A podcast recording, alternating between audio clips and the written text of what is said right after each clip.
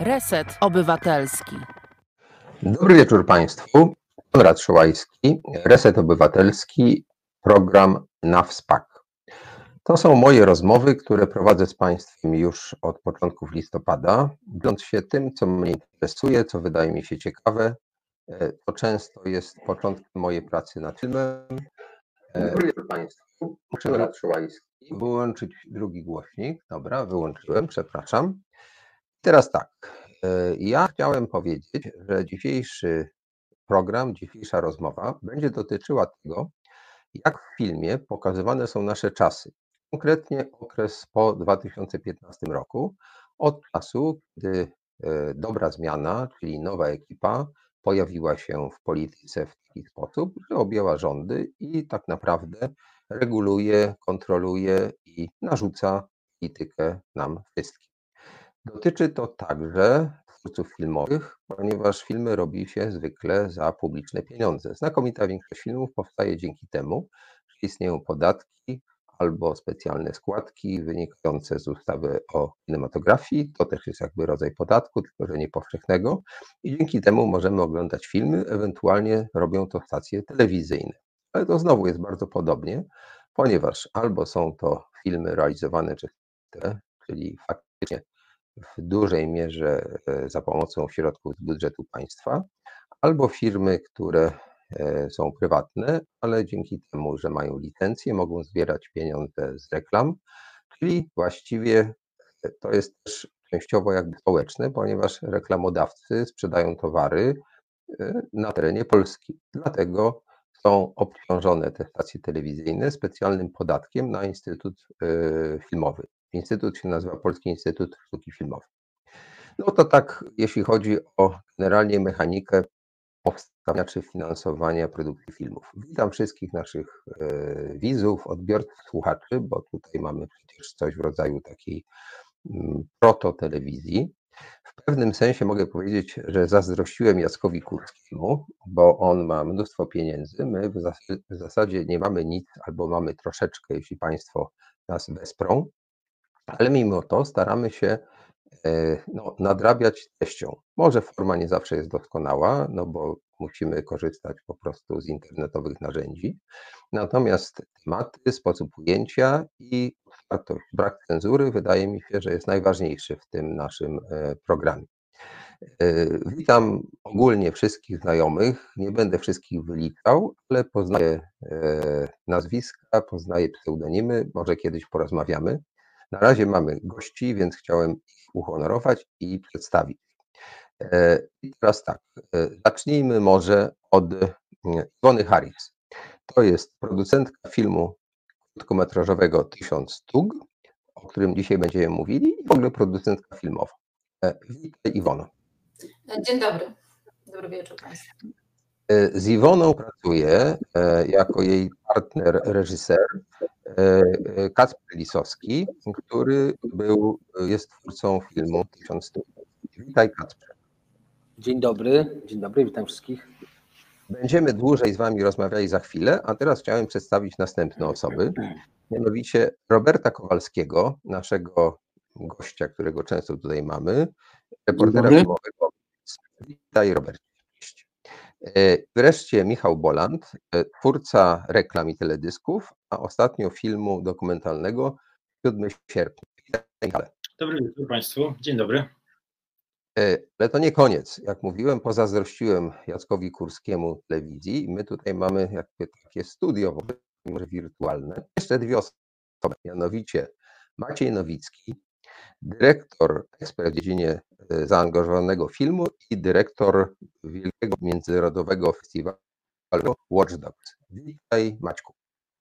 Dzień dobry.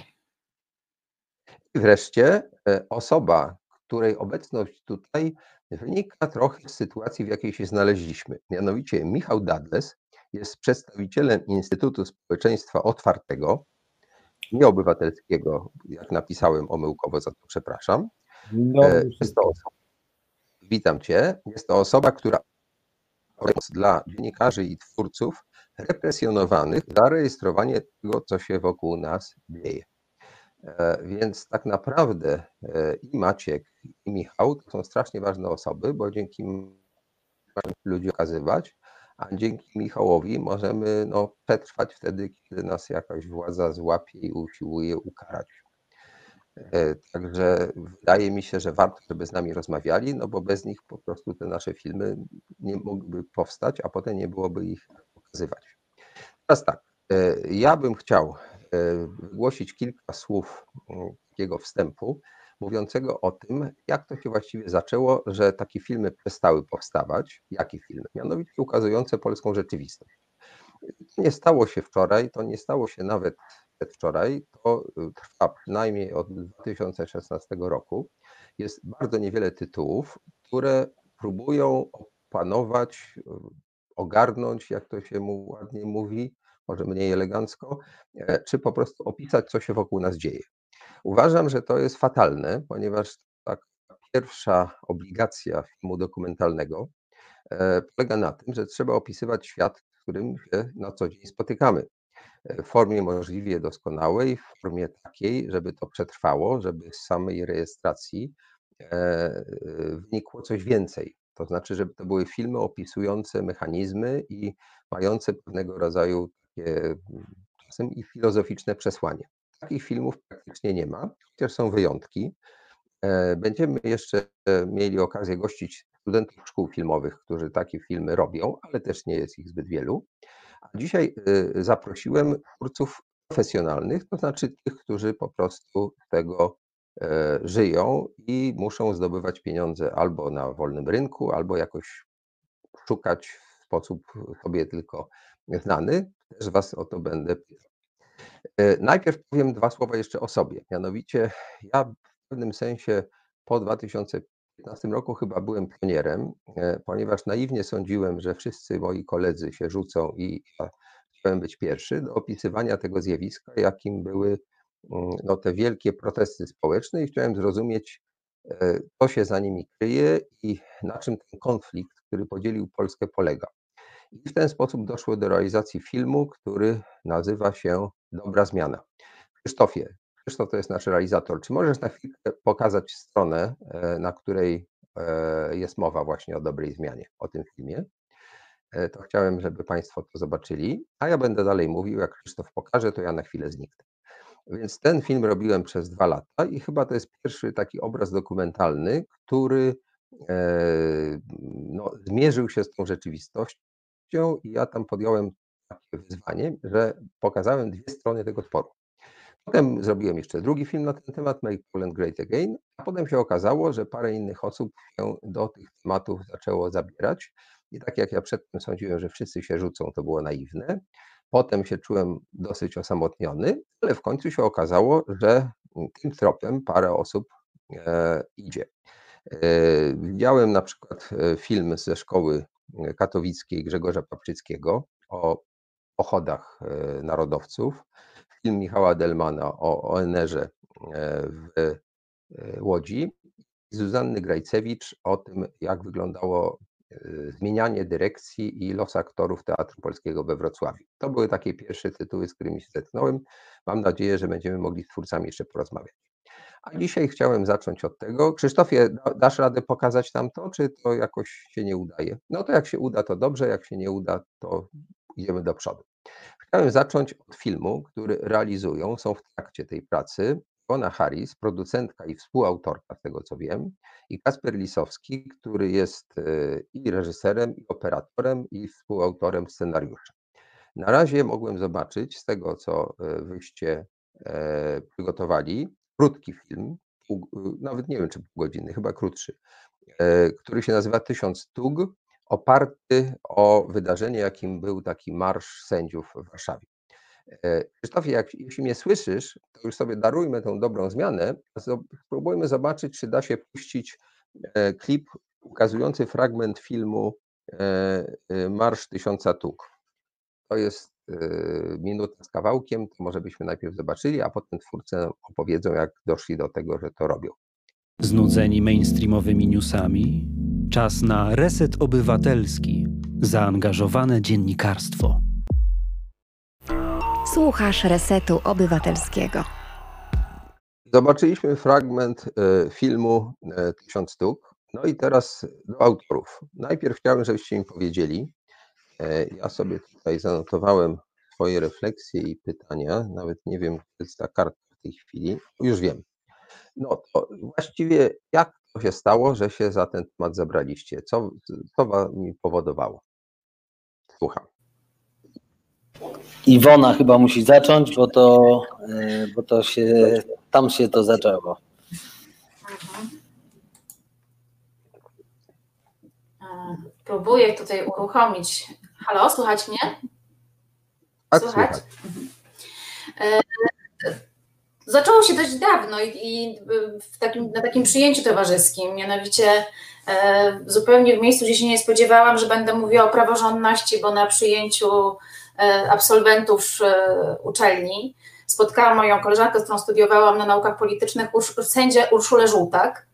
E, I ona zaczęła opowiadać, co sędziowie robią i jak bardzo są teraz, wychodzą do ludzi, że to jest nowa taka postawa, sędzio obywatelski. I bardzo chciała namówić, mówić w ogóle o filmie, bardzo chciała kogoś namówić na film. Nie wiedziała, czym ja się zajmuję zupełnie. W każdym razie, oczywiście, zaświeciło mi się światełko i pomyślałam, że to jest świetny temat. Jeśli mam osobę, która mogłaby mnie wprowadzić w to środowisko, które wydawało mi się bardzo hermetyczne, e, no to jest idealna sytuacja. E, I, że tak powiem, takim dobrym duchem do tej pory jest Urszula Żółtek i ona mnie wprowadziła w świat e, sędziów. Pierwszy raz pojechaliśmy z Kacprem na Woodstock, znaczy na Poland Rock Jurka Owsiaka i tam zaczęli, robiliśmy takie zdjęcia uciekające. Chcieliśmy zobaczyć, na ile oni nam, ci sędziowie, pozwolą wejść w ich świat, mm, zaczną z nami rozmawiać i na ile ten temat jest ciekawy. Początkowo to miał być krótki film, taki 30 minut. E, potem oczywiście im więcej wchodziliśmy w ten temat, tym parę razy zmienialiśmy scenariusz i pomysł na, na, na, na ten film. No i robimy to już prawie od roku, bo w sierpniu były pierwsze zdjęcia. Wytypowaliśmy wspólnie e, bohaterów, E, no i śledzimy ich losy, ich zmagania i walkę o praworządność. I w zasadzie już kończymy zdjęcia, domykamy wątki, e, no i zaczynamy postprodukcję, zaczynamy montaż tak naprawdę. No może Kacper coś jeszcze doda. Właśnie. No bo bądź co bądź reżyser jest potrzebny w filmie. Ja jestem reżyserem, tak uważam. No to słuchamy Kacpra. Tak, no z mojej strony to wyglądało tak, że. O, przepraszam, tu będę trzymał mikrofonik, to chyba jest mniejszy pogłos. że dostałem właśnie sygnał od Iwony, że jest na festiwalu i że tu są sędziowie i że to jest niesamowite, bo, bo jakby w, sędziowie w tym kontekście nagle tego, tej, tego festiwalu i tej całej takiej po prostu wolności e, i że to trzeba zobaczyć. No i wracałem z jakichś innych zdjęć, ale tak pomyślałem sobie, no że w ramach przynajmniej jakiegoś takiego obywatelskiego e, obowiązku, no tyle mogę zrobić, żeby tam pojechać i po prostu to nakręcić, zobaczymy co to jest. No i rzeczywiście to, znaczy przede wszystkim ja nie miałem do czynienia przedtem, teraz to nie wiem jak będzie, ale e, no nie miałem do czynienia na szczęście z, z wymiarem sprawiedliwości, więc e, z wyjątkiem mojej koleżanki, która studiowała prawo i została sędzią, to nie znałem żadnego sędziego. No i nagle ich w takiej dawce uderzeniowej poznałem kilkanaście osób, czy tam, nie wiem, trzydzieści. E, I, oni, I to wszystko było w tym kontekście takim zupełnie nieoficjalnym. E, no i po prostu to byli, okazało się, że są fajni ludzie i jakby no, mają wielkie takie poczucie misji e, i są niezwykle zaangażowani w to, co robią. No i tak pomału, pomału wciągaliśmy się jakby w, ten, w tę tematykę, jakby gdzieś tam Iwona też zdecydowała, no, że, że, że próbujemy po prostu ten film robić. Mm, I e, no i okazało się, że jakby z jednej strony mieliśmy wrażenie, że z jednej strony jakby to są takie tematy abstrakcyjne, tak? O ile e, nie wiem, no nawet nawet to, co spowodowało te ostatnie protesty e, kobiet, czyli ten niewyrok Trybunału, no to, to jest coś takiego bardzo konkretnego. Natomiast te prawne rzeczy, jak gdyby, no to, to, tak, to jest takie skomplikowane, ludzie nie bardzo rozumieją o co chodzi, mało to się, jest mało takie chwytliwe. Mieliśmy takie poczucie, że, że warto by było w tym filmie też jak gdyby wyjaśnić, czemu jakby co jest czym, nazwać jakieś pojęcia, czy, czy pokazać też jak gdyby opowiedzieć. No dlaczego niektórzy uważają, że Trybunał Konstytucyjny nie jest mm, jakby obsadzony e, prawidłowo, albo że KRS też działa nieprawidłowo. To jak, jak gdyby mieliśmy poczucie, że, że gdzieś to ludziom umyka i warto to spróbować jednak opowiedzieć, że to jest ważne, no, ale przede wszystkim jakby no, poszliśmy za tymi ludźmi i właśnie wytypowaliśmy jakby postacie, które wydały nam się, nie wiem, no, szczególnie charyzmatyczne albo mm, no, dużo jest oczywiście tych postaci, więc no, musieliśmy dokonać jakiegoś wyboru, ale, ale jakby staraliśmy się zobaczyć to od środka, jak to wygląda, jak, jak oni żyją, jakie koszty ponoszą, jak to przeżywają, co to, czym to dla nich jest. No i muszę powiedzieć, że jest to jakby wspaniałe towarzystwo. Nie tylko sędziowie, bo, bo ostatecznie pracujemy też z mm, na przykład z e, Fundacją Wolne Sądy, z tą grupą adwokatów, ale i z Krzysztofem Parchimowiczem, prokuratorem. Więc no i jeszcze masa osób, które krążą wokół, wokół tego. E, też jakby organizacje różne e, pozarządowe, KOD, Obywatele RP, no tam jest jakby mnóstwo takich bytów, Akcja Demokracja, Strajk Kobiet teraz w ostatnim czasie, jest mnóstwo takich bytów, dla których to jest ważne, e, żeby obywatele tego kraju jakby, żeby im zależało na tym, tak, i na tych sądach i żeby przede wszystkim ten kraj rzeczywiście był krajem prawa po prostu.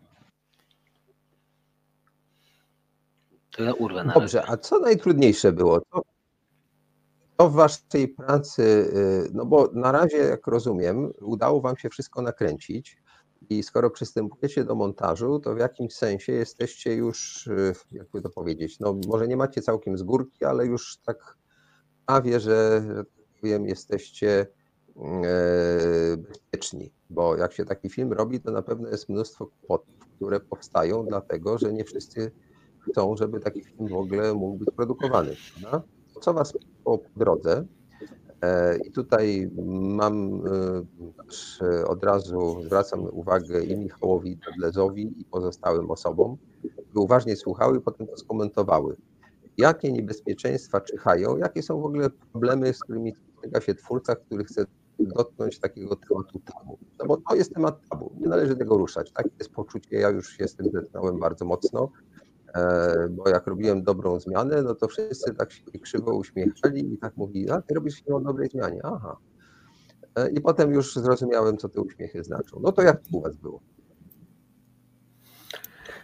No, nie możemy się pochwalić jakimiś wielkimi e, represjami, z czego się cieszę, ale oczywiście nie wiadomo jeszcze, co, co przed nami. No, troszkę żeśmy się kierowali taką zasadą ciszej jedziesz, dalsze budiesz, więc no więc tak staraliśmy się przemknąć w różne, w różne ważne miejsca, w ważnych chwilach, czy to był yy, czy to była sala sejmowa, czy to był Sąd Najwyższy. Mm, no i tak nie zwracać za bardzo na siebie uwagi, udawać mm, kogoś nie za mądrego. Czasem ja tak mówię, że tutaj mi tylko coś tam kazali nakręcić, ja to za bardzo nie wiem, co to kręcę właściwie. Yy, no różne są jakieś takie mm, sposoby, żeby gdzieś tam to oko dokumentalisty zaczaić i, coś ciekawego zobaczyć. Mm, natomiast no nie mogę powiedzieć, żebyśmy mieli na tym etapie y, jakieś takie trudności, ale no jesteśmy jakby na to jakoś chyba przygotowani. E, Iwona została spisana, to trzeba powiedzieć. Już ale ale sądy działają i sąd uchylił postępowanie, więc tutaj mamy sprawdzoną ścieżkę, że sądy jeszcze działają. Są w sądzie rejonowym Warszawa Śródmieście, są dzielni sędziowie. Ale jeszcze chciałam powiedzieć o takich trudnościach, może bardzo takich przyziemnych, ale zwyczajnie po prostu nie spodziewaliśmy się, że podczas tego roku albo trochę więcej z hakiem po prostu będzie pandemia. E, tak naprawdę nasi bohaterowie wchodzą, kiedy ich poznajemy, bez maseczek, potem mają maseczki, nie wiadomo co mówić z tymi maseczkami, więc technicznie też trudno pomontować, zrobić, przypomnieć sobie jak oni wyglądali. Upływający czas spowoduje również to, że są, mają brody albo mają e, ufarbowane włosy albo obcięte włosy, po czym znowu nie mają maseczek, bo było rozluźnienie, bo było lato i potem znowu mają maseczki. I tak naprawdę tutaj jest taki techniczny również problem, że jak to zmontować i aby to było dla widza ten bohater, mamy ich paru, rozpoznawalny, prawda? Aby nie zgubić tej percepcji, a kto to jest ten facet, co tu mówi. E, to takie problemy. Problemy oczywiście z finansowaniem, dlatego, bo finansujemy ten e, film e, samodzielnie, to znaczy to są nasze środki. Głównie finansuje, ciężar ponoszę te, tych wydatków ponoszę ja, ale Kacper również, bo na przykład sprzęt, który ma ze sobą, czy tam, nie, nie, nie, nie, no mamy tutaj partnerstwo takie biznesowe, więc to dobrze nam wychodzi, ale to też jest dodatkowe obciążenie, prawda? E, wydaje mi się, że Kacper powiedział rzeczywiście, że nie mieliśmy żadnych takich represji e, typu e, sądowych, aresztu, czy coś w tym rodzaju, ale ja czuję, muszę powiedzieć, i że ja nie czuję się tak bardzo bezpiecznie. Dlatego tak bardzo naciskałam na to przy różnych momentach spotkań z widzami, czy na różnych eventach, gdzie różne osoby już wiedziały, że robimy, robimy o tym, że robimy taki film, by nie podawać naszych personaliów. To znaczy, jak robiliśmy dla wolnych sądów teledysk taki do jakiegoś takich akcji charytatywnej związanej z COVID-em, e, i robiliśmy to dla nich, to oni oczywiście dziękujemy Wam bardzo, ja mówię, ale tylko pamiętajcie, nie, po, nie mówcie imienia, nie, nie podawajcie naszych danych.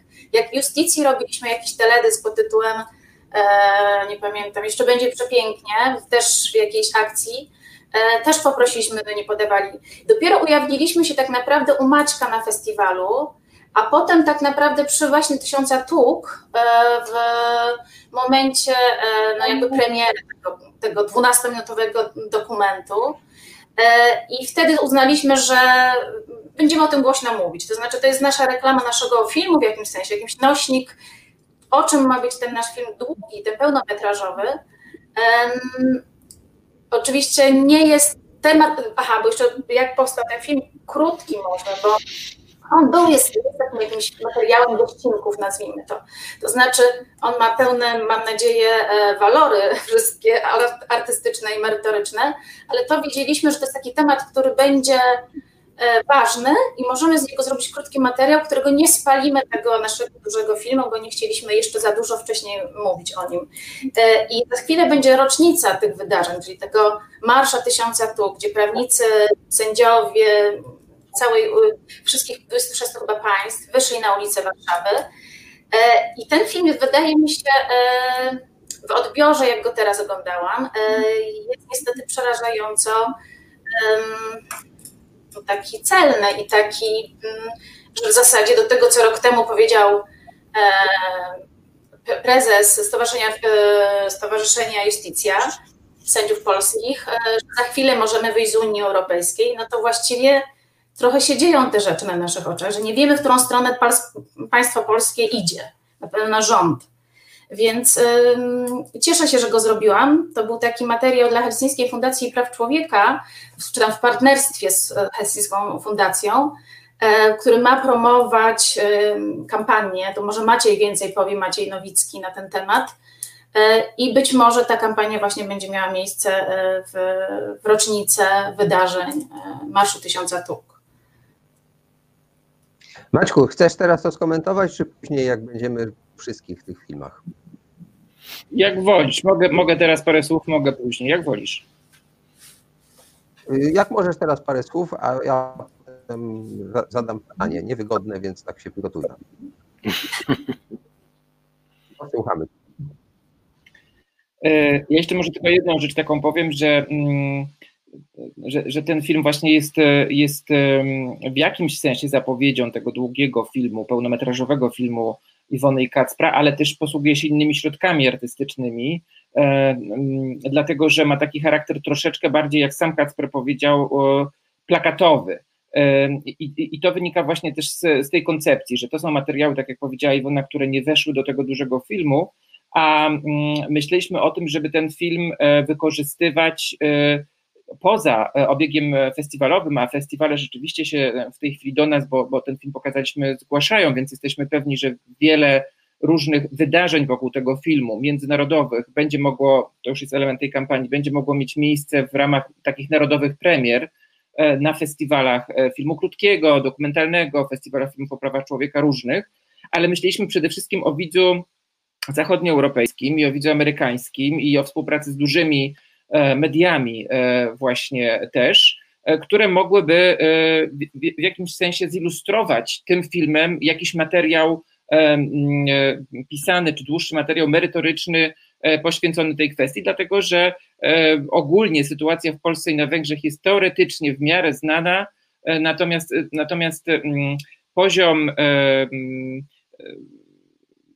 poziom destrukcji e, niezależności wolnych sądów, niezależności e, sądów e, w Polsce, tak naprawdę jest tematem bardzo, bardzo, bardzo słabo znanym szerszej publiczności i też opiniotwórczym mediom. To jest co innego. Komisja wie wiele, instytucje wiedzą wiele tak naprawdę, natomiast, natomiast um, takie właśnie medialne wcale, że tak naprawdę niekoniecznie. Więc myślimy, że to jest świetna okazja, żeby um, tego filmu, chociaż nie odbierając mu nic z jego właśnie walorów, walorów artystycznych, żeby posłużyć się nim trochę też kampanijnie, e, w ten sposób, żeby on mógł gdzieś, czy nie gdzieś, tylko docelowo w różnych miejscach wisieć i żeby temu towarzyszyły różne materiały, które e, sytuację e, omawiają i, i, i pokazują właśnie poziom też odwagi, determinacji i potrzeby solidarności, bo to też o to chodzi. Bo chodzi o to, że sędziowie w Polsce potrzebują solidarności społeczeństw zachodniej Europy, po to, żeby istniała presja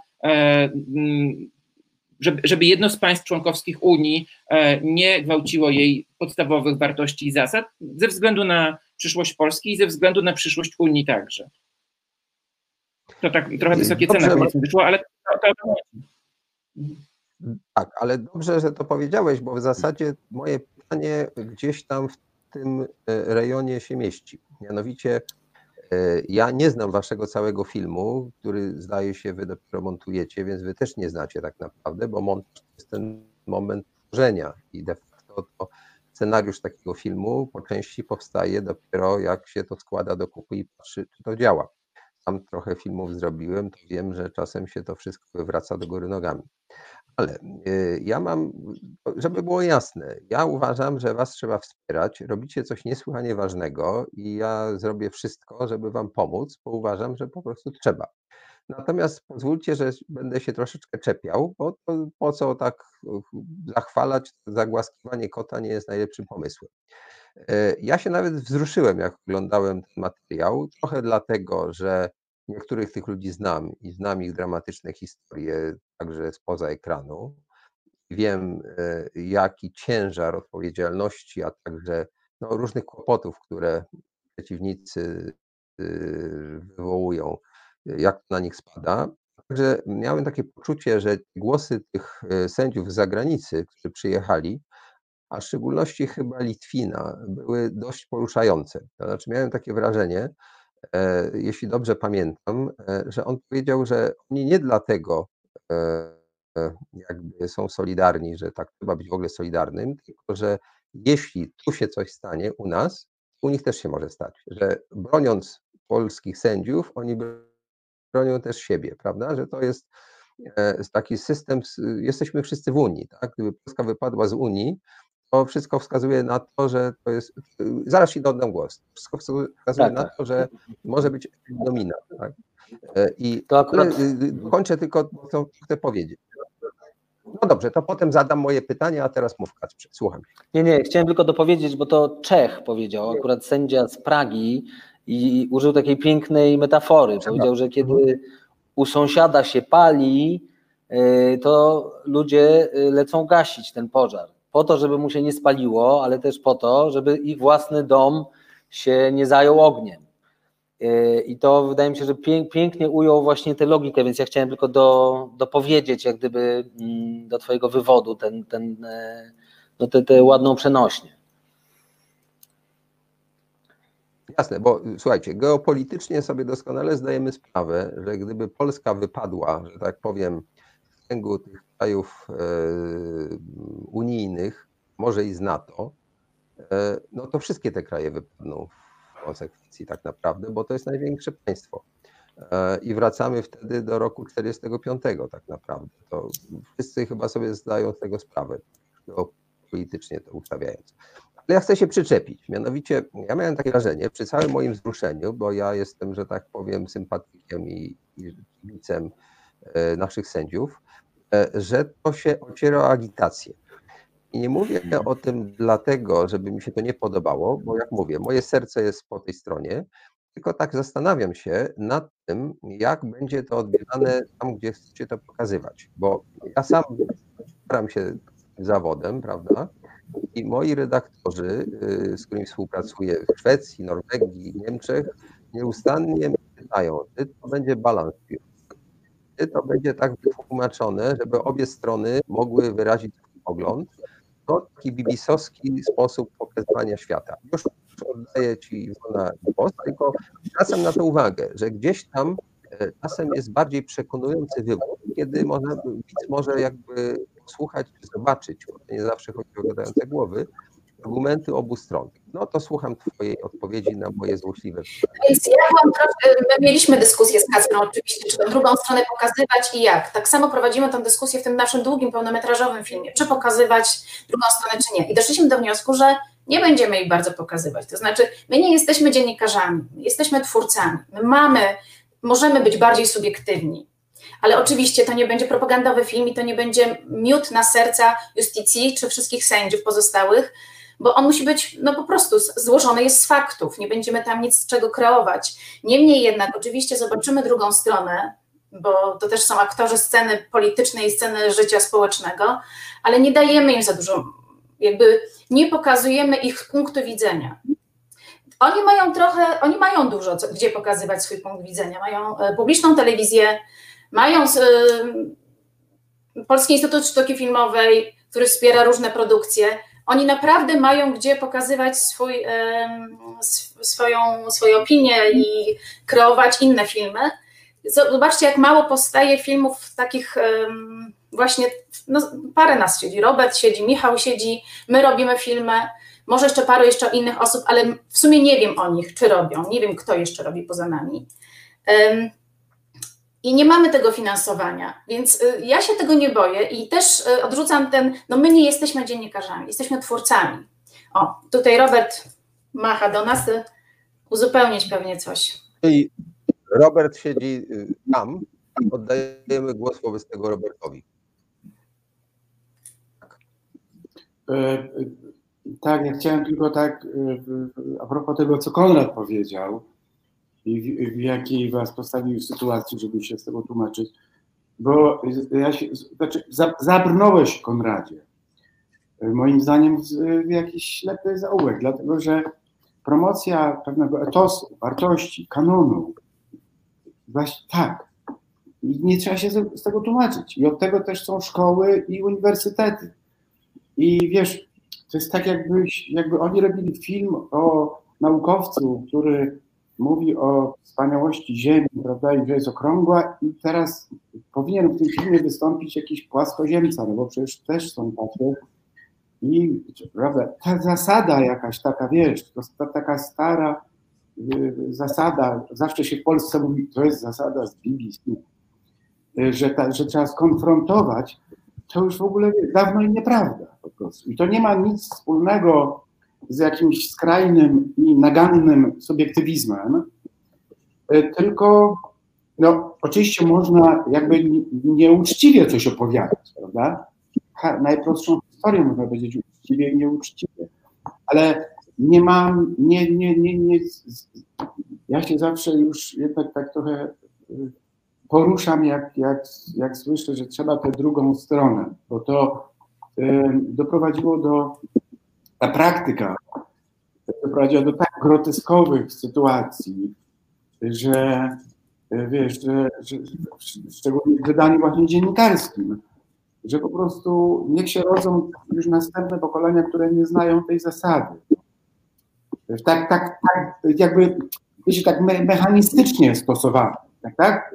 Bo no, czasami jak trzeba skonfrontować dwie osoby, które mają dwa jakieś przeciwstawne zdania, ale nie ma, nie, nie ma na pewno tutaj znaku równości. W przeciwnym wypadku też musielibyśmy ofiarę gwałtu konfrontować z gwałcicielem. No dziękuję za te słowa, bo absolutnie też tak właśnie myślę. To znaczy, my, my z Kacprem rozmawialiśmy o tym wielokrotnie, dysku, dyskusję mieliśmy, na ile dać i tak dalej. I, i rzeczywiście bardzo jesteśmy, mm, chcemy to powiedzieć po swojemu, zgodnie, no jak naukowiec, prawda? Naukowiec nie może mówić o jakby zjawiskach naukowych w sposób nienaukowy, jeszcze tym nienaukowcom dawać głos, bo nie daj Boże ktoś zrozumie to, co on zrozumie, czyli przekona go inna strona, a my trochę nie chcemy, to znaczy wierzymy, że jesteśmy tymi naukowcami, którzy wierzymy, że tak jest, jak przed, mówimy w tym filmie, bo troszkę on jest edukacyjny, to znaczy nie wiemy jeszcze jak bardzo, ale edukacyjny w tym sensie, że E, oprócz naszych bohaterów będziemy chcieli trochę jednak przybliżyć e, Kowalskiemu, może nie, Robert, nie Robertowi, ale, ale obywatelowi, który jest przekonany albo na przykład nie, nie do końca wie, na czym to polega, bo się już pogubił w, tym, w, tym, w tej masie informacji, czym jest trójpodział władzy, e, czym jest ten KRS, albo dlaczego o jednych sędziach mówimy, że to są ci prawdziwi sędziowie, a inni to są ci nieprawdziwi, bo naprawdę można się pogubić. Ja bardzo dużo rzeczy z naszego filmu testuję trochę na mojej mamie. E, jak ona coś rozumie z tego, co my mówimy, to ja mówię, no dobrze, czyli już mamy dobrze. I nie dlatego, że moja mama jest nieinteligentną osobą, tylko dlatego, że jest tego tak dużo, że musiałaby śledzić na bieżąco te wszystkie wydarzenia tak głęboko jak my. Ona nie ma zwyczajnie na to czasu, więc śledzi bardzo pobieżnie.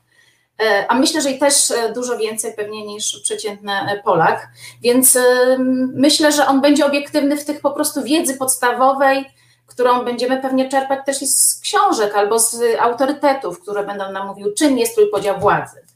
On oczywiście będzie, ta informacja nie będzie wykładem, tylko będzie, tak jak początkowo ustaliliśmy, jakoś mm, opowiedziana na przykład przez animację, prawda? Y, więc y, tu jeszcze mamy środki, jakie, mm, że tak powiem, do tego wybierzemy. Jeszcze troszkę są przed nami jeszcze dyskusje, bo do końca na to się nie zdecydowaliśmy jak, ale, ale chcemy tak to przedstawić. Kacper, tak? Kacper chciał powiedzieć jeszcze. Chciałem powiedzieć, że, że myśmy, znaczy myśmy rzeczywiście o tym dyskutowali. Też dziękuję Robercie za, za, za dobre słowo. Y, mm, to miał być też krótki film i y, ja uznałem, że jak gdyby cytowanie y, jakby no nie, ministra sprawiedliwości czy wiceministrów i tej całej jakby narracji rządzących, a później dementowanie tego, jak gdyby dekonstruowanie, że po prostu nie mam na to czasu. Więc zdecydowaliśmy się na taką jakby prostą formę, pod tytułem właśnie, no tak jak, nie wiem, no jest plakat, że bomba spada na domy i wojn, wojnie mówimy nie, tak? No i to jest coś równie prostego, e, no taka, ta, ta, taka rzeczywiście taki, taki plakat, który ma mieć, znaczy ma, ma, ma tam komuś coś jakby szybko powiedzieć, może go dalej zainteresować albo uruchomić jakieś dalsze, dalsze procesy mm, w jego głowie. Natomiast w dużym filmie no na pewno będzie, będzie więcej tego głosu, Natomiast to będzie głos raczej, no tak jak y, Iwona powiedziała, no, że, że oni, oni mają jakby swoje kanały, mogą mówić, mają te media, które ich słuchają, które jakby to roz, roznoszą, te opowieści, nie wiem, o tym, że wszędzie w Europie są rozwiązania podobne jak w ustawie kagańcowej i są wzięte takie po kawałeczku tam z tego kodeksu, a tu z Niemiec, a tu z Chorwacji, a tu skądś tam, a tu skądś tam. No i niby tak jest, tylko że to do kupy składa się u nas właśnie w ustawę kagańcową. A, a jak gdyby chodzi o to, żeby też widzieć taki szerszy obraz tego, co, co ta ustawa y, jak gdyby robi i jak bardzo jest niezgodna po prostu z, ze wszystkimi zasadami, z konstytucją, z traktatami i poza tym jest takim po prostu prawnym, y, jakby no taką fuszerką, jeżeli chodzi o, o, o budowanie prawa. No. Zresztą widzieliśmy, jak, jak ona powstawała i to było naprawdę dość, dość przerażające. Więc, więc tak, no to, był taka, to była taka świadoma decyzja, żeby jednak yy, yy, tego głosu, ten, ten głos dać tym ludziom, którzy mm. jakby chcemy, żeby, żeby ludzie ich usłyszeli po prostu, bo, bo uważam, że to jest ważne, słuszne. Słuchajcie, ja myślę, że w sztuce filmowej nie ma jednego wzorca metra. Nie jest tak, że leży w Sewr taki wzorowy film. Można i tak, i tak. E, ja teraz obejrzałem Rok we mgle e, Tomasza Sekielskiego. Nie wiem, czy znacie ten film. Się głównie składa z wykopiowań oficjalnych materiałów, które, że tak O.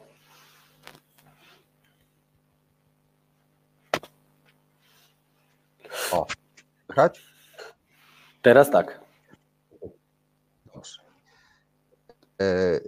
E, y, powtarzam, y, film Tomasza Sekielskiego składa się także z komentarzy dziennikarzy, ale w dużej mierze z materiałów, które e, zostały, że tak powiem, upublicznione przez ministra zdrowia, czy premiera, czy prezydenta i tak dalej.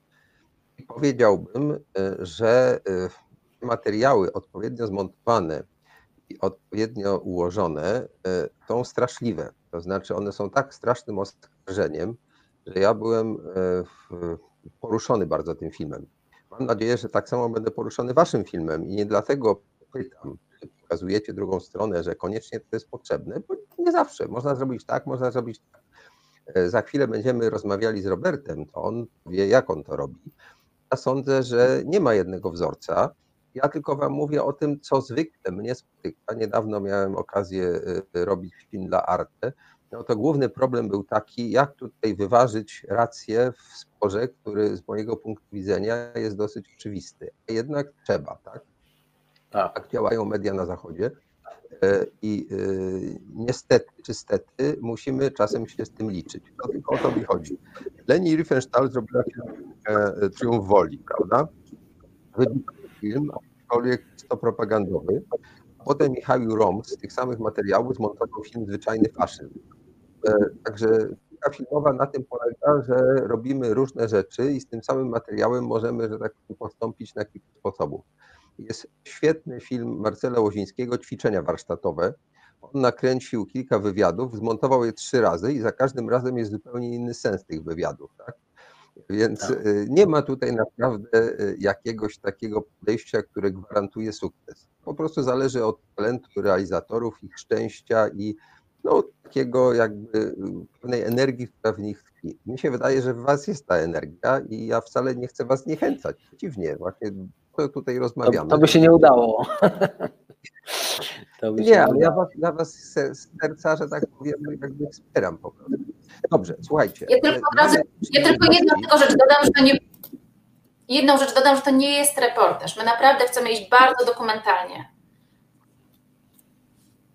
Bardzo dobrze, na to czekam z niecierpliwością. E, nawet prosty reportaż z tego, co się wokół nas dzieje, ale dobrze zrobiony, też ma wartość, ponieważ e, takich materiałów prawie nie ma. To jest po prostu jakimś stliwym sekretem naszej kinematografii. Jak to jest możliwe, że mamy e, kilkaset milionów złotych i PiS, i Ministerstwo Kultury, i telewizję, i, i gdzie są te filmy, prawda? W latach 70. były, a w latach 2000 nie ma coś się dziwnego z tym systemem stało i nie tylko od 2015 roku. To jest w ogóle ogólny problem. Ja o tym rozmawiałem z Agnieszką Holland, że po prostu twórcy filmowi e, w wyniku różnych procesów odwrócili się od rzeczywistości i wolą opowiadać historie inne, albo egzotyczne, albo bardzo prywatne. No, krótko mówiąc, nie bardzo chcą się mierzyć z rzeczywistością. Ale są ludzie, którzy się z nią mierzą. Teraz chciałem Wam może nie podziękować całkiem, zostańcie z nami, będziecie chcieli komentować, jesteście mile widziani jako, że tak powiem, recenzenci albo wspierający następnych twórców. Chciałem przejść do Roberta Kowalskiego, który tutaj tak pięknie e, obalił tę e, konserwatywną tezę o, o, o bisowskim podejściu do, do, do robienia filmów.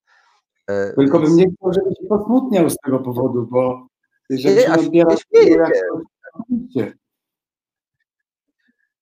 Dobrze, Robercie, ale nie, ja, ja się śmieję nie dlatego, że uważam, że to jest niemądre, co powiedziałeś, tylko że to jest pewien punkt widzenia i całkiem zasadny. Tylko myślę, że jest wiele możliwości robienia filmów. Bądź bliżej mikrofonu, jeśli mogę prosić. Teraz Krzysztofa poproszę, żeby puścił pierwszy fragment z Twojej e, e, ciekawej pracy E, film, który ostatnio nam e, zaoferowałeś, pokazany przez Maćka, zdaje się, na festiwalu Watch Dogs, nazywa się Tomkowie cywilizacji łacińskiej. Więc tytuł jest taki, powiedziałbym, dosyć konserwatywny e, i bardzo interesujący. No to zobaczmy. Krzysztofie, czy możesz puścić kawałek tego, co nam Robert tutaj proponuje? Reset Obywatelski działa dzięki Twojemu wsparciu. Znajdź nas na zrzutka.pl. Słuchasz Resetu Obywatelskiego. No i to święta Fajnie, prawda, z Panem, z rodziną i z Maryją, no wszystko się zgadza, nie? No właśnie, rozumiem, że chciałeś zrobić taką laurkę, jakiś rodzaj takiego panegiryku, który by wychwalał pewnego rodzaju wychowanie, sposób traktowania dzieci, żeby one wiedziały potem, co jest dobre, a co złe. Czy to była twoja intencja? Tak, tak, wiesz, no tata to zrobił, ja po prostu byłem świadkiem tej sceny i ją zaobserwowałem, no i tyle, wiesz, w zasadzie nic dodać, nic ująć, może tylko to, że ten facet był ubrany w, strój, w strój takiej bardzo drogiej firmy, y, Octagon, która produkuje no, różnego rodzaju blues, no, takie, no, to, to, to są narodowcy, to jest odzieżówka narodowców, ale taka wyższa półka. Więc to wszystko było bardzo drogie, co on na sobie miał. No i też drogocenne myśli sprzedawał dziewczynce. Mia, ja miałem tylko problem z tym dzieckiem, jakby, bo to szczerze powiedziawszy, no to, to nie jest niewinna taka sytuacja, prawda, w której ja stawiam to dziecko, ale uznałem, że, że ono się wytłumaczy do, za 20 lat, że to po prostu stary troszeczkę coś tam ma nie tego. Miał dziwne poglądy i ona z tym nie miała nic wspólnego, ale to jest coś, co może, towarzyszyć takiej osobie, prawda? I jednak e, tutaj ta ochrona dzieci powinna być jakaś taka większa. Uznałem, że to ma, że to ma jednak jakąś taką wartość. No ale nie to, żebym się nad tym nie zastanowił, nad tym procesem jakby filmowania tej takiej zupełnie małej istoty, która jeszcze w jakimś minimalnym stopniu decyduje o sobie. Czy żółty, czy czerwony klocek wziąć i tyle. No właśnie, ale y, ja myślę, że ty dość perfidnie tutaj pokazałeś, że y, ty niejako uzupełniasz y, film powstający Iwony i Kacpra, ponieważ ty pokazujesz właśnie drugą stronę. Dokładnie tak, prawda? Oni opowiadają o sędziach, którzy są traktowani w sposób, no, delikatnie mówiąc, niewłaściwy, momentami wręcz straszny. Natomiast ty pokazujesz ludzi, którzy wspierają te siły, które tych sędziów właśnie tak traktują. Tak? Także ja bym w pewnym sensie powiedział, że jeśli pokazujemy te dwa filmy, co właśnie zrobił Maciek, to właśnie dokładnie robimy to, co ty mówiłeś, że nie należy robić. Zestawiamy jak gdyby racje, tak? Znaczy, chyba nie jestem wystarczająco bystry, żeby dobrze zrozumieć Twoje pytanie, ale moja odpowiedź brzmi nie. Nie, to słucham, dlaczego nie? No przecież ty dajesz tym ludziom prawo głosu, tak? Ty pozwalasz im wyjaśnić, czego oni chcą, do czego dążą. Czy tak nie jest? Tak, to jest piosenka o nich. No. Napisałem piosenkę o nich. W zasadzie złożyłem ją z tych pięciu takich zwrotek, które pisałem co roku. No bo to. Yy, no bo to nie jest jak. To jest bardziej taka, taka kronika yy, yy, tych marszów. Yy, I tak złożona przeze mnie. No nie, nie, nie, nie usiadłem jak do filmu po prostu od samego początku z jakimś założeniem, budżetem zarysem scenariusza czy coś takiego, tylko, tylko na podstawie różnych jakichś takich zapisków ułożyłem tę piosenkę o nich. No to oni o sobie śpiewają, a ja tylko na nich patrzę w gruncie rzeczy. No właśnie, to teraz już sam zacząłeś o tym mówić, to tak sobie dookreślmy. Jaka była Twoja intencja? Po co, dlaczego y, zmontowałeś ten film? Jak doszło do jego realizacji? No do realizacji to doszło tak zupełnie banalnie. No ja jestem na co dzień po prostu reporterem, takim dokumentalistą z Okopres i mam takie codzienne obowiązki. Yy, A wszystko to, co yy, jakoś od czasu do czasu sklejam w jakieś większe rzeczy, no to no tylko dlatego, że mi czasami żal dobrego materiału, no czasami mi jest ciasno w takich w jakichś krótkich wypowiedziach. No więc y, to w sumie jakby y, ta geneza powstania tych potomków, no to jest taka zupełnie banalna, prawda? Natomiast jakby tak chcieć znaleźć jakieś takie, takie, nie wiem, taką jakąś głębszą myśl, no to w gruncie rzeczy ona nie jest jakoś specjalnie głęboka, ale no niech ich zobaczą, po prostu popatrzcie, to jak to było, podej chodźcie głupcy do okien, tak kiedyś było w tym z takim strasznym wierszu Tuwima, chodźcie głupcy do okien. Pamiętacie, to chodziło o, o, tego, o zabójstwo y, Narutowicza. Narutowicza. I tam jest, y, no, no jakby, no to, no, żeby, żeby pokazać po prostu, nie wszyscy ludzie o tym wiedzą, no. Rzeczy zupełnie oczywiste, jakieś prozaiczne, na przykład dla mnie, są dla innych ludzi zupełnie nie, niezrozumiałe, czy w ogóle nie, jakby takie niewydarzalne, ale też, też trzeba też powiedzieć, że ta historia właśnie Marszu Niepodległości, ta 10-11-letnia, jaką znamy, zawsze się układała bardzo dla nich korzystnie. To znaczy, oni mogli zdemolować miasto, podpalić wawozy transmisyjne, wiem, zupełnie przewrócić do góry nogami plac Konstytucji, a i tak zawsze znajdowali jakąś furtkę. W tym bardzo pomagały im takie mainstreamowe, te główne media. A to byli, a to była Antifa niemiecka, prawda? A to ich sprowokowali E, Antifa Polska, zawsze wszędzie są jacyś ludzie, którzy tych, tych dobrych, te proste polskie, dobre rodziny z dziećmi, które tam są, zawsze jakoś na koniec prowokują i zmuszą do słusznego, bo przecież wyrażonego przez lud gniewu.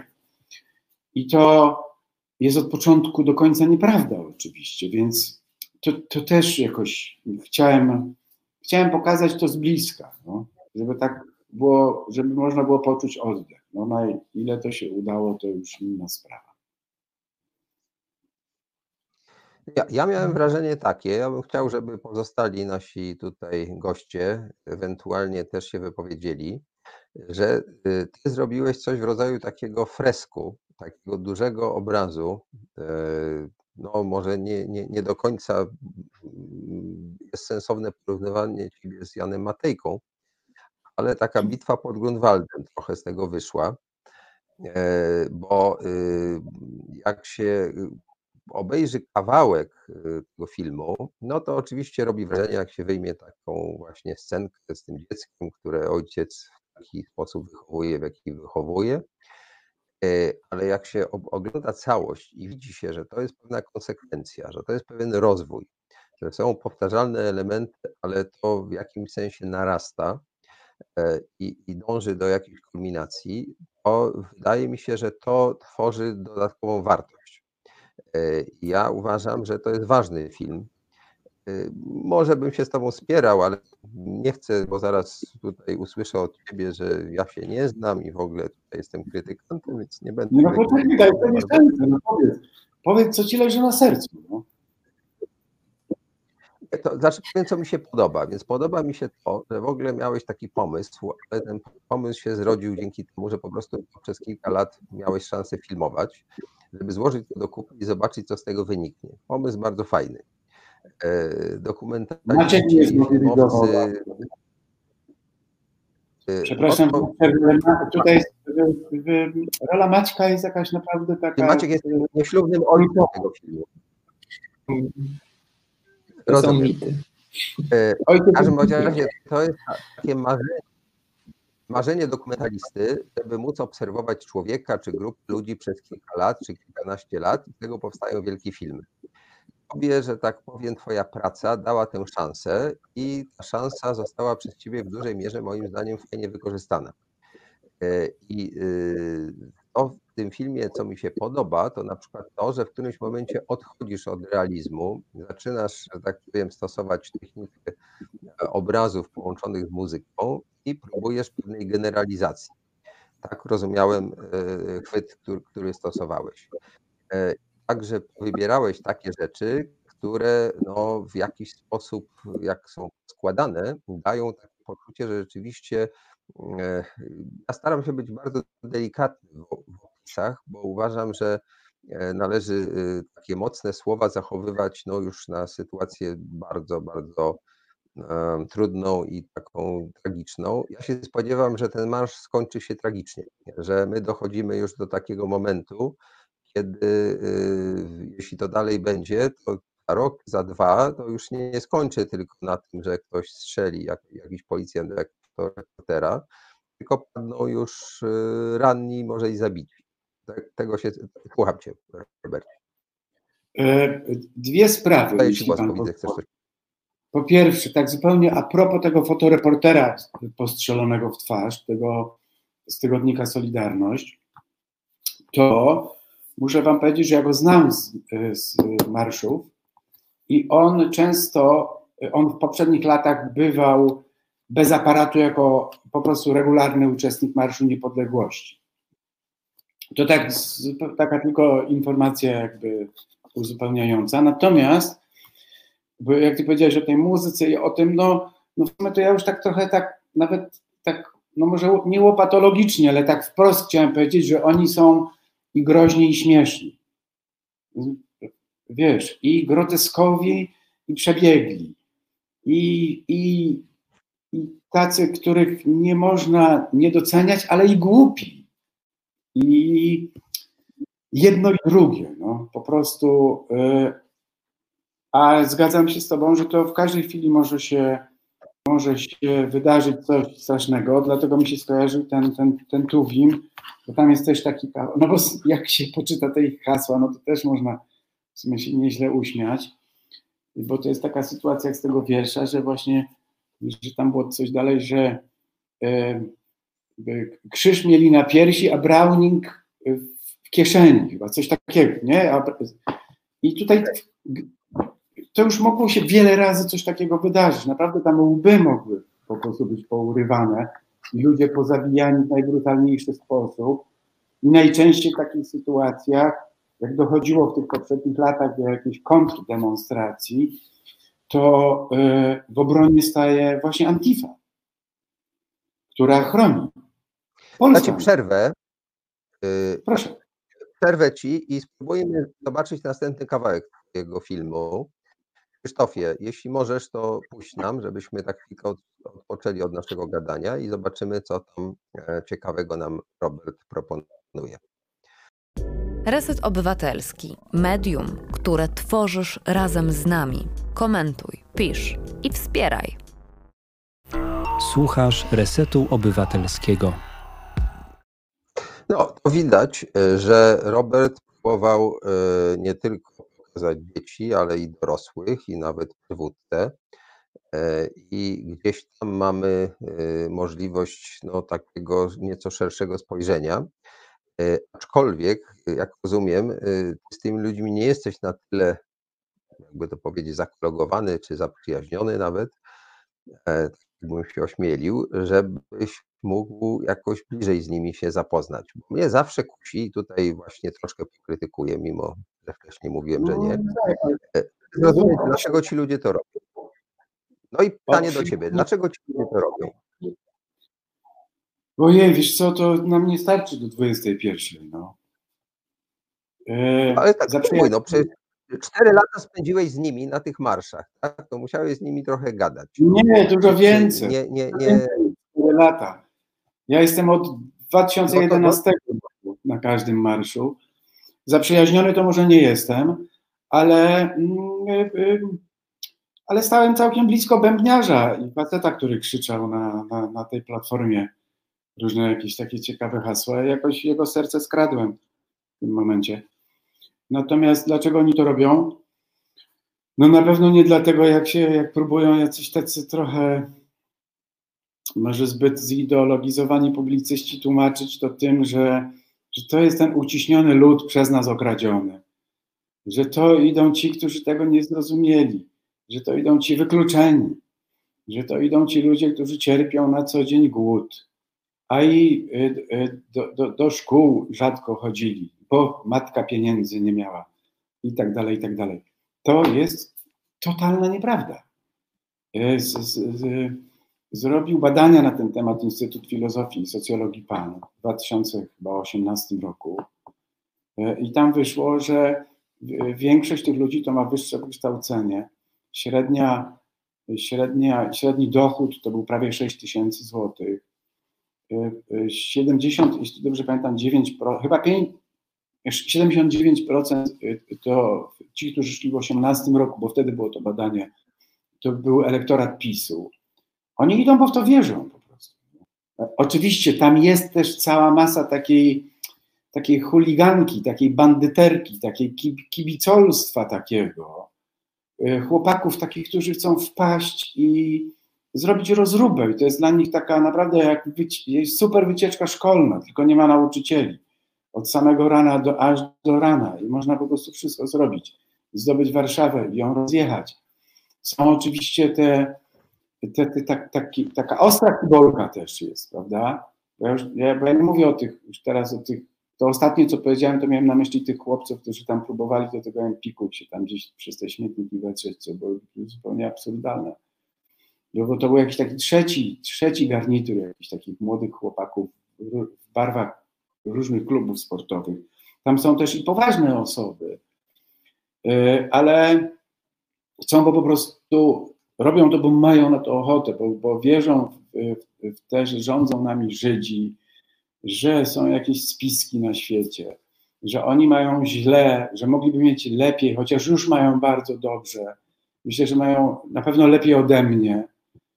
E, jeśli spojrzysz na przykład o poziom zarobków, no może o wykształcenie to nie, ale połowa z nich to też jest po wyższych studiach i po prostu podzielają te hasła, które tam słyszą. Oni nie mogą tam być nie słysząc tego. Oni nie mogą tam być nie, nie podzielając głębokiej wiary w to, że właśnie z Jezusem, z Maryją, z narodowym przywództwem i tak dalej. No to też choćby wystarczy zajrzeć do, do, do, do projektu konstytucji, jaką zaproponował e, Krzysztof Bosak, prawda, ich kandydat na prezydenta. No to, to już jest... Wrócimy jeszcze wrócimy do ciebie, ale Michał Boland chciał skomentować, więc oddajmy mu na chwilę głos, dobrze? I nawet nie skomentować, ale mam, Robert, pytanie. E, czy tobie się udało pokazać e, bohaterom czy komuś e, chociaż e, ten film i czy oni jakby, jak, wiesz, zastanawiam się na ile oni oglądając siebie w takim właśnie, w takiej mozaice e, popatrzyli z jakimś dystansem na siebie, na, na tą całą nie, sytuację. Nie, ja ni, nikomu tego nie pokazywałem. Znaczy, w ogóle w filmie nie ma czegoś takiego jak jakiś taki jednostkowy, czy dwoje, troje bohaterów. Gdyby ktoś taki był, no to jasne, to oczywiście, że tak, ale tutaj nie, to są tacy bohaterowie wybrani przeze mnie trochę poza ich świadomością, że staną się bohaterami tego filmu. Przepraszam, bo ja tak mam jakiś taki dzień jak leksykon i mi tam wpadają do głowy różne rzeczy. I teraz mi się przypomniało a propos tego, co powiedziałeś, takie zdanie z Czechowa, że coś tam było takiego, że wystarczy człowiekowi pokazać, jaki on jest, a stanie się dobry. Nie, nie, nie. No właśnie, tak trochę dlatego cię zapytałem. Ale tak, na pewno, na pewno, na pewno to jest, to, to już jest coś. To jest coś bardzo dużego, tak się zobaczyć z innej perspektywy. E, Michał Dadles chciał się odezwać. Do tej pory nie daliśmy mu szansy, więc Michale, masz możliwość. Słuchamy Cię. Ja tutaj e, jako widz występuję, bo na, na filmach się znam tylko jako widz, więc ponieważ jestem też widzem Marszów Niepodległości, e, to taki kamyczek chciałbym wrzucić. Dla mnie kluczowym słowem, jakie mi się nasuwa w kontekście tych marszy, jest słowo swojskość. Że ta ich poczucie wspólnoty e, bierze się z jakiegoś takiego dziwnego dla nas poczucia swojskości, że wszystko, co jest swojskie, jest dobre, tak? Jak ktoś e, pije, to nie kłamie. E, ta wódka gdzieś tam się zawsze e, kręci w środku, a cała reszta jest obca i, i dla nich groźna. To znaczy, oni uważają coś, co nie jest swojskie, jako zagrożenie. I, i że naokoło tego rdzenia grupują się najróżniejsi ludzie, już abstrahując od tych teorii spiskowych, a które się do tego dokładają. Także no, jak stałem tam w 2018 roku i te dwie godziny oni maszerowali, maszerowali, maszerowali, to było przerażające oczywiście. W tym roku to też jest ważne, żeby powiedzieć, że ich było o wiele mniej. Znaczy mnie się wydaje, że, że jednak te, że, że, że ta wiedza, którą my mamy, to ona się sączy, tak? Już nie wszyscy tak chętnie te rodziny z dziećmi, które musiały uciekać z wózkami, tak chętnie tam nie, nie przychodzą. Może ja się mylę, ale tego, po, po, tym podobne ekscesy jakoś były bardzo niebezpieczne, na przykład w krajach skandynawskich i to ucichło. Ja widziałem taki film, który, który to pokazuje, więc to nie jest tak, nie jesteśmy skazani, uważam. Mogę? Tak, e, Wydaje mi się, że, dlatego w tym roku było mniej z powodów takich niebanalnych, że to COVID zdecydował. E, że, że raczej oni utrzymują tak tych od, około 80, 100, a nawet 150 tysięcy ludzi to rosło. Ja jestem, wiesz, Michał, ja jestem mniejszym optymistą niż, niż ty. I znowu mi się, nie wiem, co mi się w głowę dzisiaj dzieje, znowu mi wskoczył cytat, e, że, że coś było, że to słowacki. Wykształciuch, słuchajcie, wykształciuch, typowy wykształciuch. Że stoi lud ciemny, czarny, błotny. Kojarzycie to? Ciemny, czarny, błotny lud. I teraz ja nie mówię tego z takiej pozycji jakiejś artystowskiej, bo ja jestem sam po prostu zwykły chłopak z Kujaw, z Włocławka, z Blokowiska. Y, y, nie mówię tego, żeby jakoś pogardliwie o tym ludzie, tylko raczej może chyba o, nie wiem, kurczę, tak naprawdę chyba o, może o systemie edukacji, no. że to jakoś nie działa, no, że ludzie są skłonni wierzyć wariatom, wariatom, którzy mówią najgłupsze rzeczy no, i są w stanie porwać ludzi, plus, a może to jest przede wszystkim Kościół, że po prostu Kościół ma taką niesamowitą władzę w Polsce, że dopóki się ta nie, nie jakoś nie legnie w gruzach, to, to niewiele wydaje mi się zmieni. I, e, I no może już teraz powolutku zaczyna pękać, prawda? No bo jednak mamy tą figurę tej, tego tego Wojtyły z Wadowic.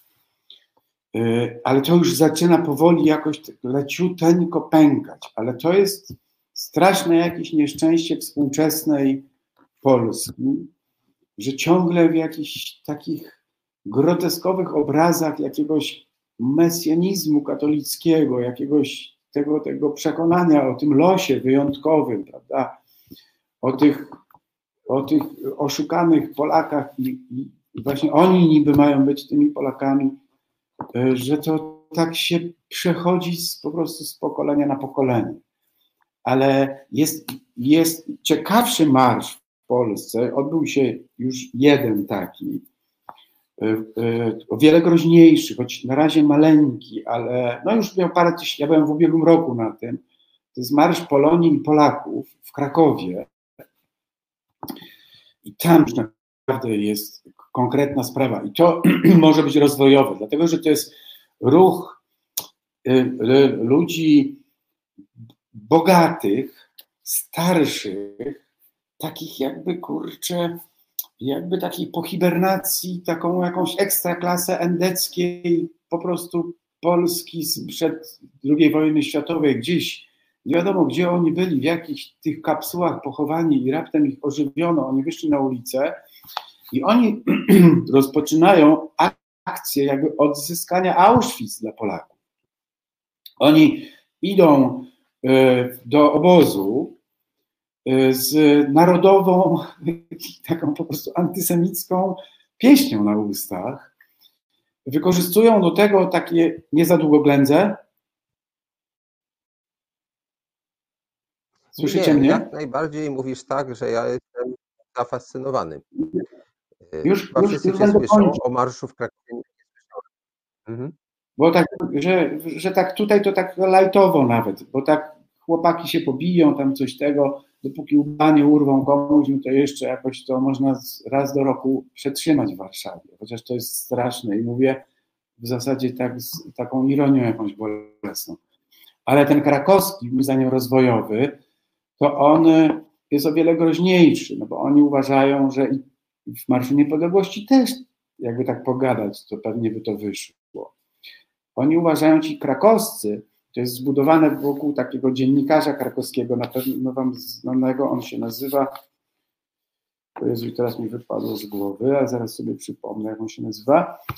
E, I, I, oni po prostu uważają, że prawdziwymi ofiarami Auschwitz-Birkenau byli Polacy, a Żydzi nam to ukradli, trzeba to odzyskać.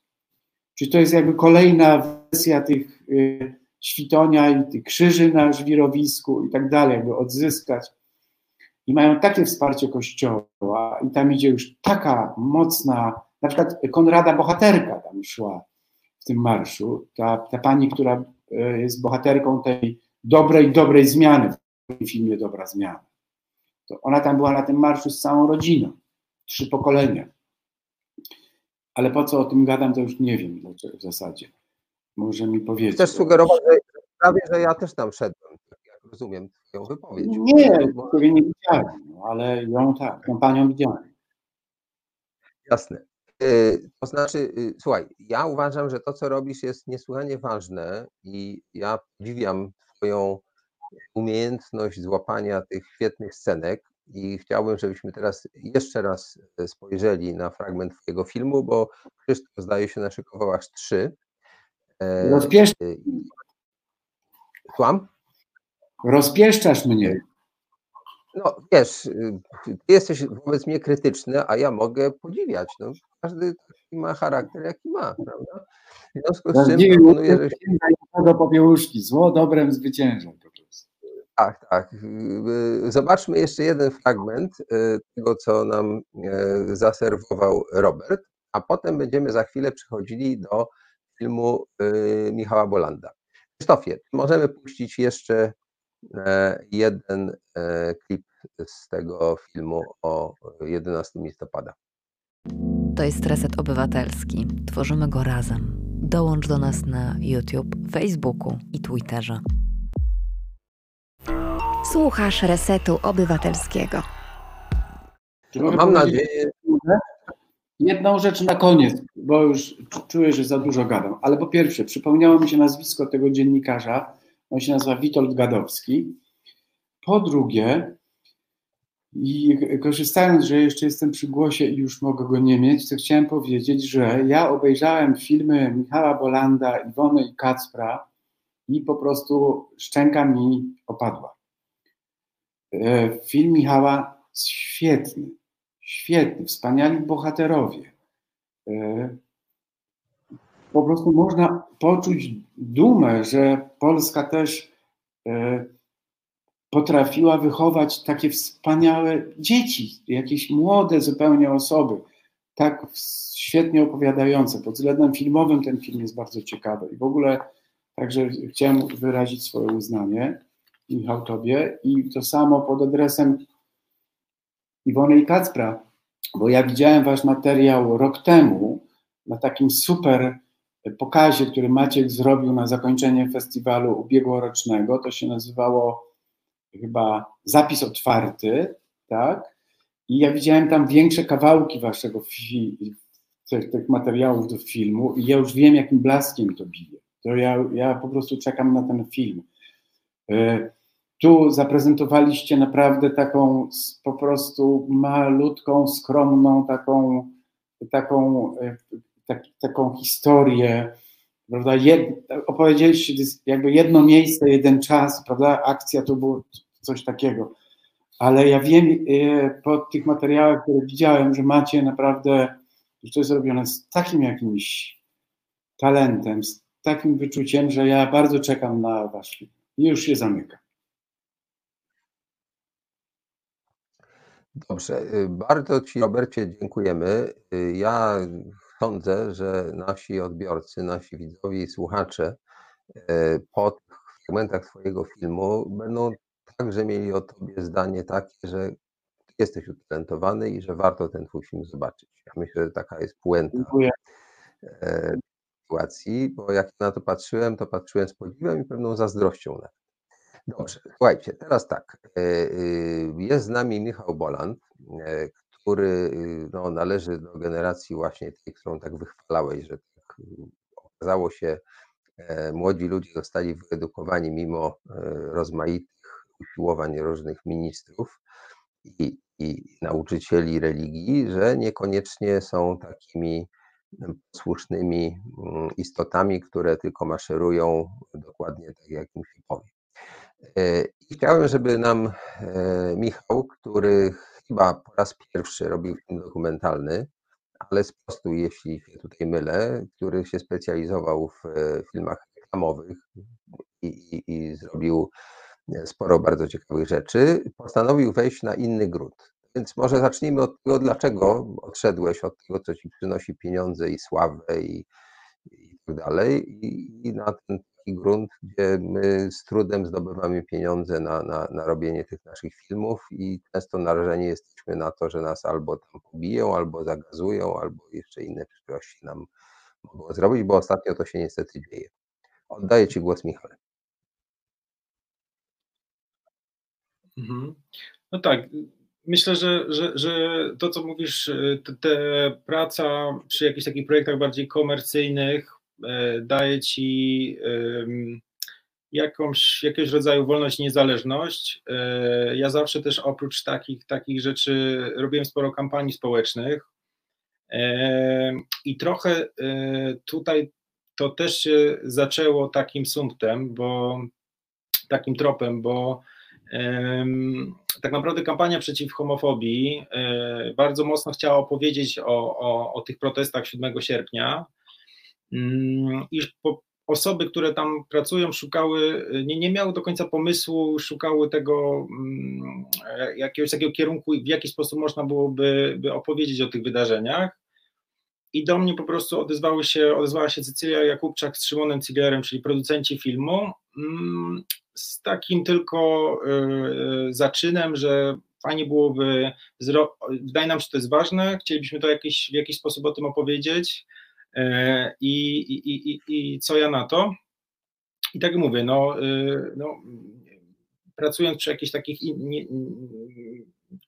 projektach nie tylko bazujących na, na finansowaniu właśnie w tym momencie szczególnie z jakichś instytucji państwowych, to mogliśmy sobie pozwolić na to, żeby, żeby zarzucić wszystkie swoje obowiązki i, i, i zrobić taki, taki, taki trochę blitzkrieg w postaci właśnie tego filmu.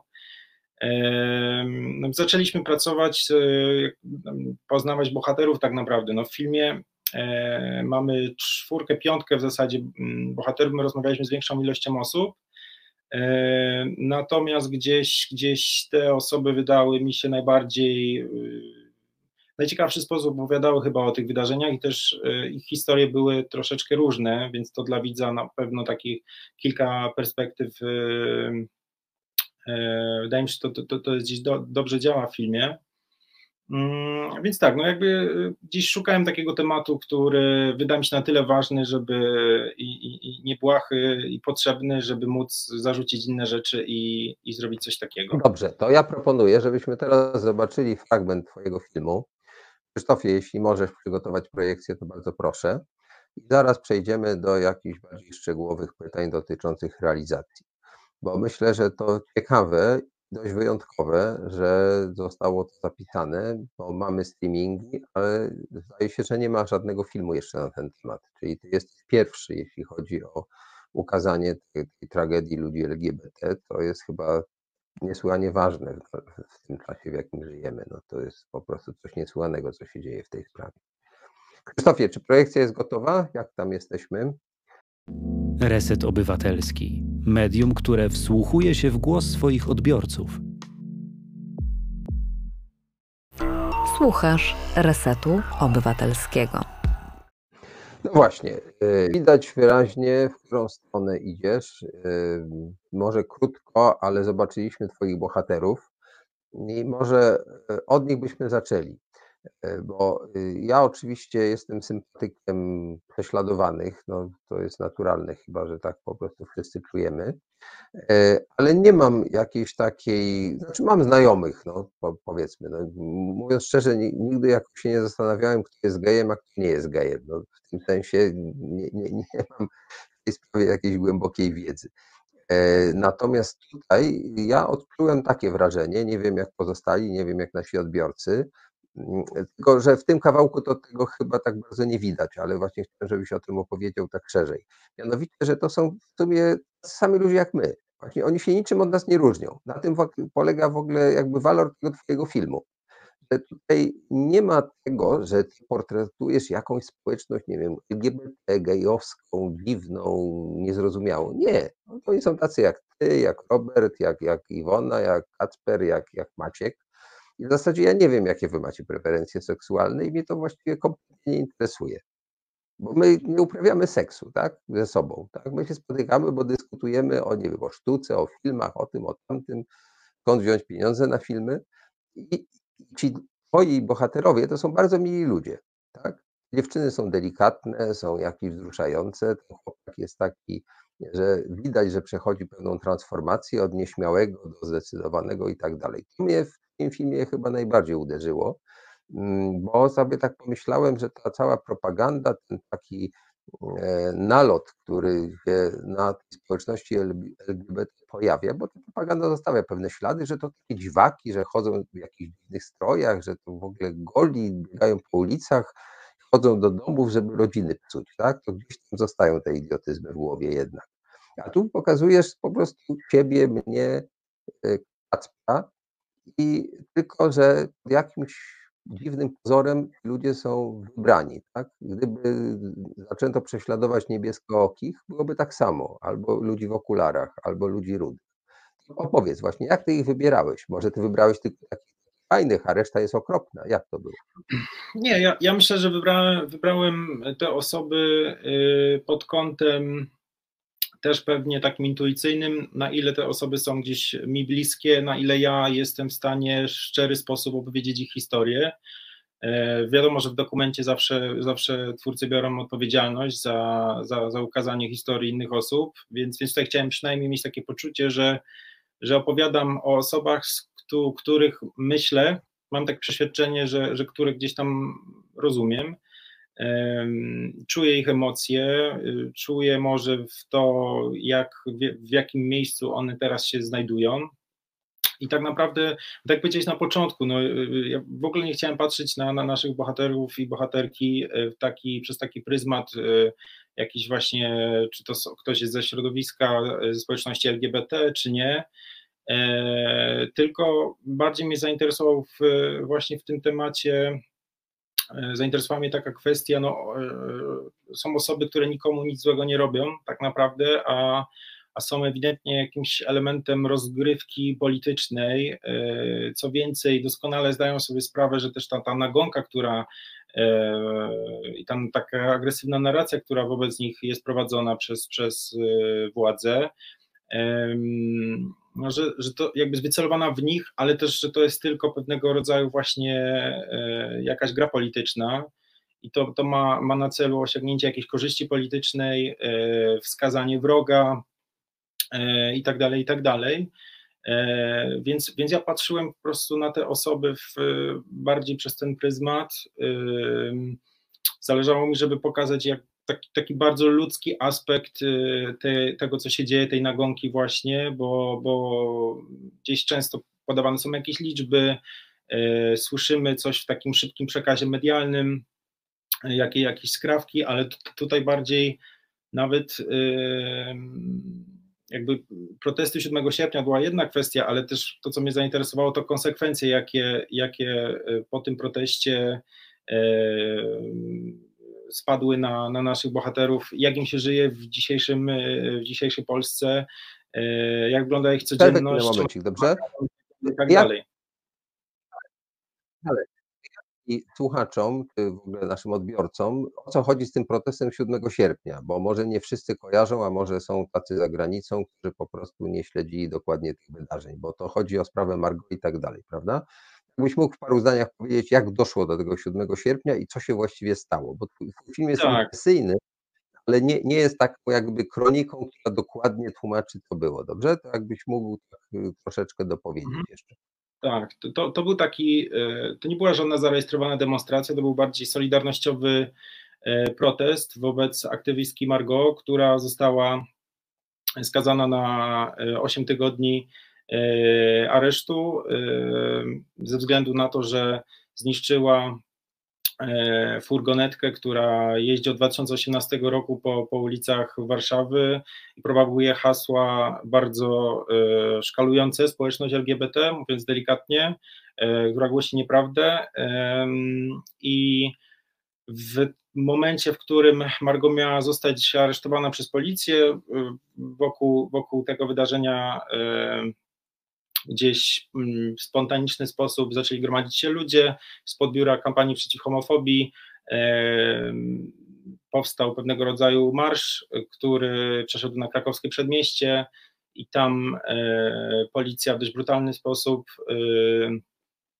no, użyła swoich narzędzi do pacyfikacji tego protestu. 48 osób zostało aresztowanych e, w trakcie e, aresztowań, później na komendzie prawa osób aresztowanych były bardzo mocno łamane,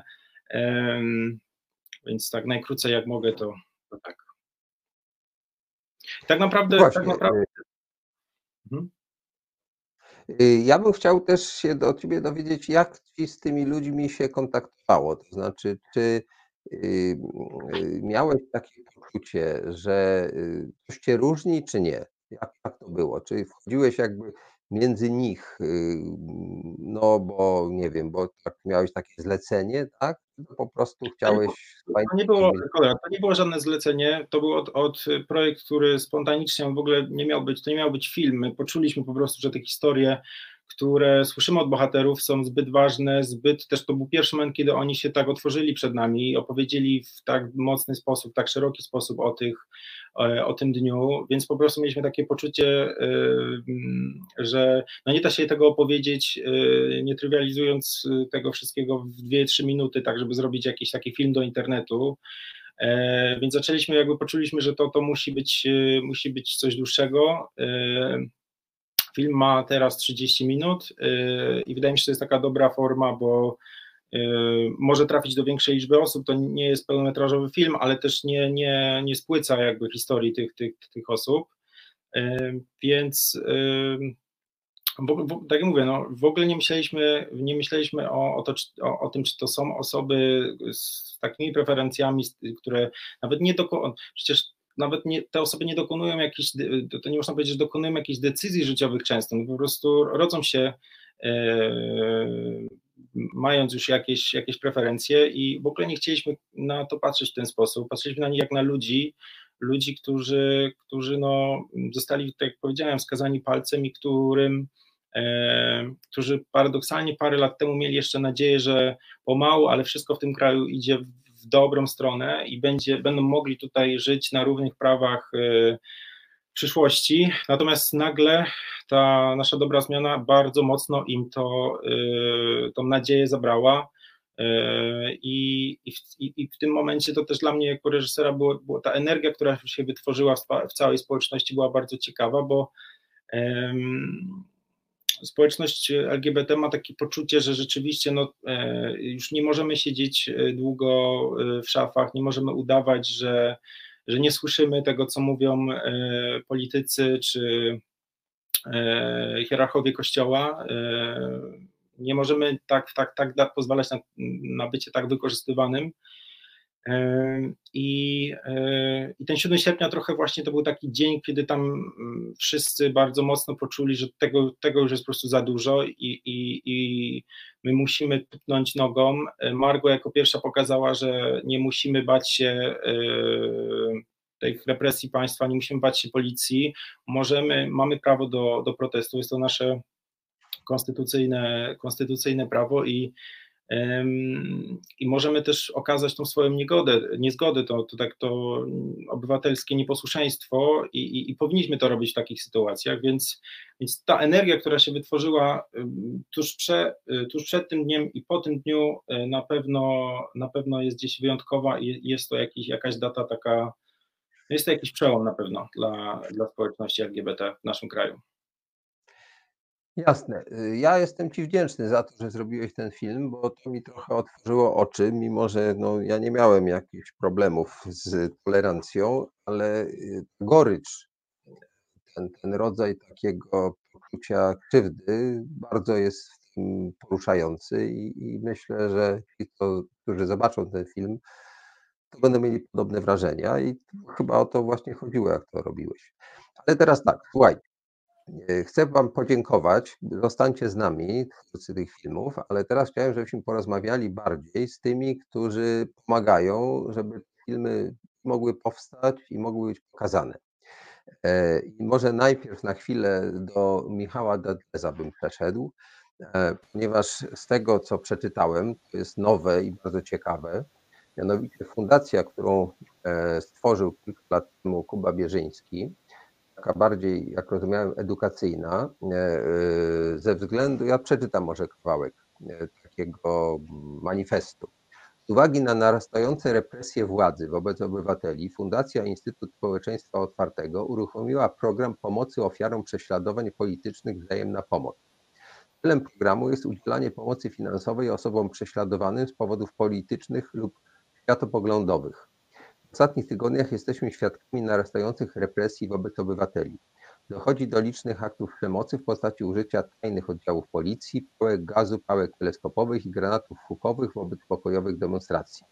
Policja po raz pierwszy od 1968 roku weszła na teren wyższej uczelni, łamiąc prawo. Siły bezpieczeństwa regularnie i z premedytacją przekraczają swoje uprawnienia, nielegalnie represjonując obywateli. Tekst jest dłuższy, ale to chyba jest taki y, dość istotny fragment y, tłumaczący, dlaczego to powstało. A dalej jest y, coś ciekawego, co daje szansę na to, żeby ten efekt mrożący nie zaistniał. Bo na czym polega efekt mrożący? Po prostu ludzie, którzy idą e, fotografować, filmować, nagrywać, oglądać po to, żeby potem to opisać, czyli dziennikarze, filmowcy, reporterzy e, od pewnego czasu nie są już traktowani jako osoby, które pełnią swoją misję, pracują, tylko po prostu są e, albo przynajmniej legitymowani, jak nie bici, albo gazowani i tak dalej. To się na przykład zdarzyło w Włodkowiczejce. E, I wiem, że dwie osoby, które znam e, związane z lotną brygadą opozycji, mianowicie Stanisława Skłodowska i Katarzyna Pierzchała, e, dostały jakieś takie kary finansowe i wręcz zabrano im pieniądze, bo to oczywiście lege artis, bo mimo, że to jest bezprawne, ale faktycznie prawo tak działa, że można, z konta im zdjęto pieniądze i to spore kwoty, bodajże 11 tysięcy. I ten fundusz, który y, został powołany, niejako ma odparować, ma spowodować, żeby tacy ludzie jak wy nie bali się, że ktoś się za wami utrzyma. I tą osobą jest Michał Dadlew. Oddaję Ci głos, Michał. E, no, no, tak, fundacja to jest następna odsłona tych programów pomocowych, e, że tak powiem, cementujących e, opór społeczny, którą my robimy od 2016-2017 roku. E, fundacja, która wspomaga finansowo, stała się potrzebna w momencie, kiedy władzom udało się obejść e, kontrolę sądową, karania obywateli, przy pomocy kar administracyjnych. No, akurat zdarzył się, zdarzyła się pandemia i w tym momencie no nie tylko nasze władze, bo władze bardzo wielu krajów, łącznie z Rosją, Słowenią, od razu wskoczyły na tego konia, bo to jest następne narzędzie, następny kaganiec, jaki można nałożyć społeczeństwu. Bardzo łatwy sposób. Akurat u nas istnieje ten kanał kar administracyjnych, które są egzekwowalne, zanim nastąpi kontrola sądowa słuszności czy też zasadności tych kar. No, no i dlatego to jest takie narzędzie dla władzy bardzo wygodne, a dla społeczeństwa bardzo niebezpieczne. I dlatego uważam, że jest niesłychanie istotne, e, żeby społeczeństwo w tym momencie wykazało solidarność e, i, e, i pomogło tym, których akurat to dotknęło. Bo jak mamy tłum tysiąca ludzi, policja wyciąga jedną osobę, jedna osobie wyciąga wysyła wniosek o ukaranie do, do sanepidu i akurat ją trafia te 10 tysięcy. A wszystkie pozostałe nie. Tak? No jeżeli ten, wszystkie pozostałe się solidarnie nie, nie złożą na te, na te 10 tysięcy, następnym razem oni to dostaną. No oczywiście efekt mrożący jest. Efekt mrożący jest tym, na czym władzy zależy od samego początku, dlatego że władza, która opiera swoją legitymację tylko wyłącznie na kłamstwie i manipulacji, nie może dopuścić do tego, żeby istniała w społeczeństwie jakakolwiek inna narracja niż ich narracja. Bo jeżeli w tej tamie E, e, e, którą oni stają, starają się postawić przed tą, tą rzeką informacji, która dopływa do społeczeństwa, jest jakakolwiek dziura, no to oczywiście ta dziura rozsadzi tamę. Dlatego, dlatego to, co Państwo robią, jest, jest tak samo ważnym elementem E, tego, mm, tego rozsadzania tej tamy jedynej, jedynie słusznej partyjnej narracji, jak to sami nadawcy, czyli ci, którzy protestują, bo gdyby nie było tej transmisji, to protesty byłyby mało, mało widoczne, dlatego też jesteście takim samym obiektem e, działań władzy, jak sami protestujący, a ponieważ władza czuje się kompletnie bezkarna, to co my obserwujemy na ulicach, ten komentarz policjanta, który e, Kasię Pierzchałę legitymował, był bardzo symptomatyczny. Nie wiem, czy Państwo widzieli ten, e, ten film,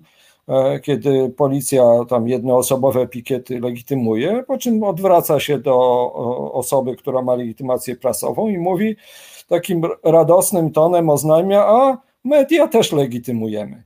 Bez żadnej podstawy, nielegalnie, ich już żaden legalizm nie obchodzi, już nikt w tym krawie nie, de facto nie wie, co jest legalne, a co jest nielegalne, bo oni prowadzili taki chaos prawny, że mogą zawsze udawać, że coś jest legalne i nikt temu nie jest w stanie zaprzeczyć, bo jest chaos kompletny. Także, e, e, także dziennikarze zyskali ten sam status, co, co wszyscy obywatele, którzy próbują bronić jakiejś cywilizacji. No to samo dotyczy sędziów.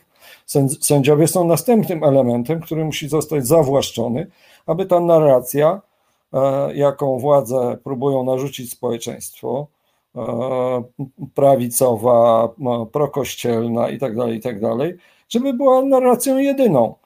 Dlatego cementowanie tego oporu od roku 2016 uważam za bardzo e, istotne, żeby nie doprowadzić do atomizacji oporu, żeby nie doprowadzić do tego, że E, żeby każdy został sam ze swoim problemem. No w momencie, kiedy represje trafiają, to trafiają zazwyczaj nie, nie, wszyscy, nie całe środowisko, tylko pojedynczą osobę.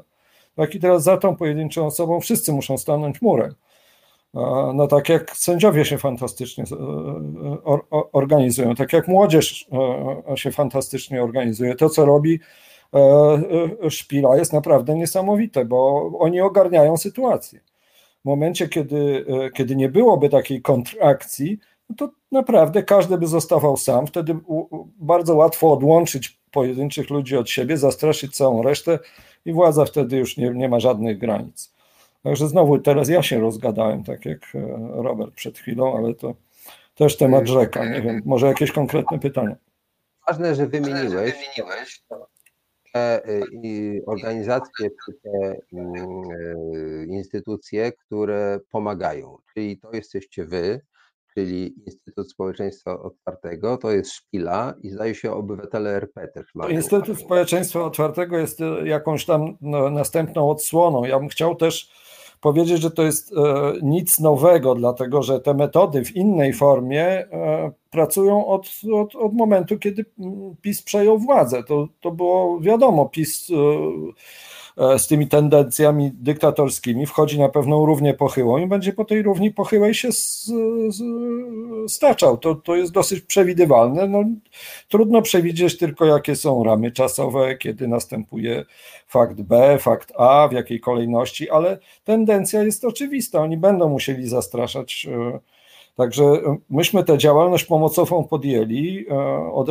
prawie od razu, w momencie, kiedy te represje E, no takie bardzo łagodne, no bo co to jest tam mm, kodeks wykroczeń, no zarzut, e, mandat 100 zł, to jest niewiele, ale efekt mrożący jest, no porządny obywatel, jak ma świadomość tego, że mają go wezwać na przesłuchania, ja, ja, ja jestem najlepszym tego przykładem, musiałem pewną barierę e, no przebyć, powiedzieć, ok, no w tej sytuacji, dobra, ja idę idę e, przed sąd. Nie ma problemu z tym. No trudno, no tak mi się złożyło w życiu, że teraz muszę stanąć przed sądem. Nie jest to dla mnie uwłaczające, bo ja nie jestem winny, ale pewna bariera mentalna musi być e, przekroczona. Teraz ci młodzi ludzie, my mamy e, taki adres mailowy, na który można zadawać pytania. Jest bardzo wiele pytań od młodych ludzi, co teraz będzie. Tak? Ja zostałem wylegitymowany. No trochę się ludzie boją, pomimo tego, że już doświadczenie ostatnich lat pokazuje, że to jest raczej kabaret niż jakaś rzeczywista represja, ale ona pewien efekt mrożący e, e, e, robi. Także to jest pewien proces i drugi etap tego procesu następuje. Dziękuję. Słuchajcie, to bardzo ważne. W razie tego mamy tutaj ludzi, którzy chcą pomóc i w razie czego jest do kogo się zwrócić.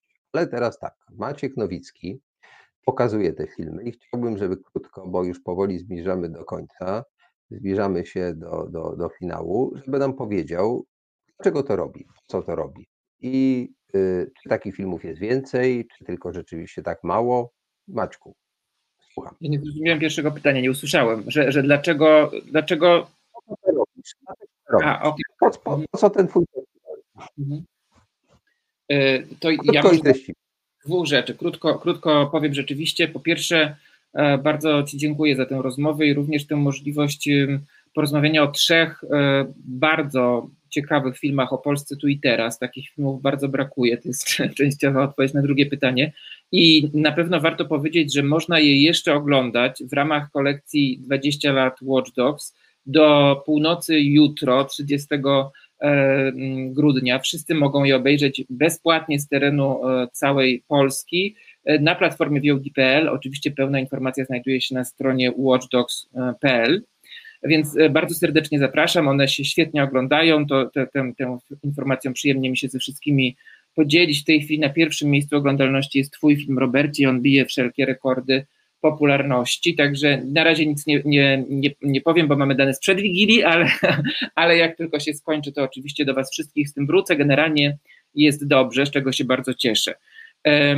Dlaczego to robimy? No, mm, to jest też pytanie, na które, na które sobie zadajemy, e, które sobie zadajemy bardzo często. To, to znaczy, to jest dla nas jasne, dlatego że prawa człowieka, dlatego że demokracja e, są ważne i dlatego, że sztuka filmowa, bo właśnie staramy się nie pokazywać reportaży, tylko dokumentalną sztukę filmową, pozwala zbliżyć do tych wartości i do tych historii ludzkich w sposób zupełnie inny, to banalne, niż e, raporty, niż opracowania.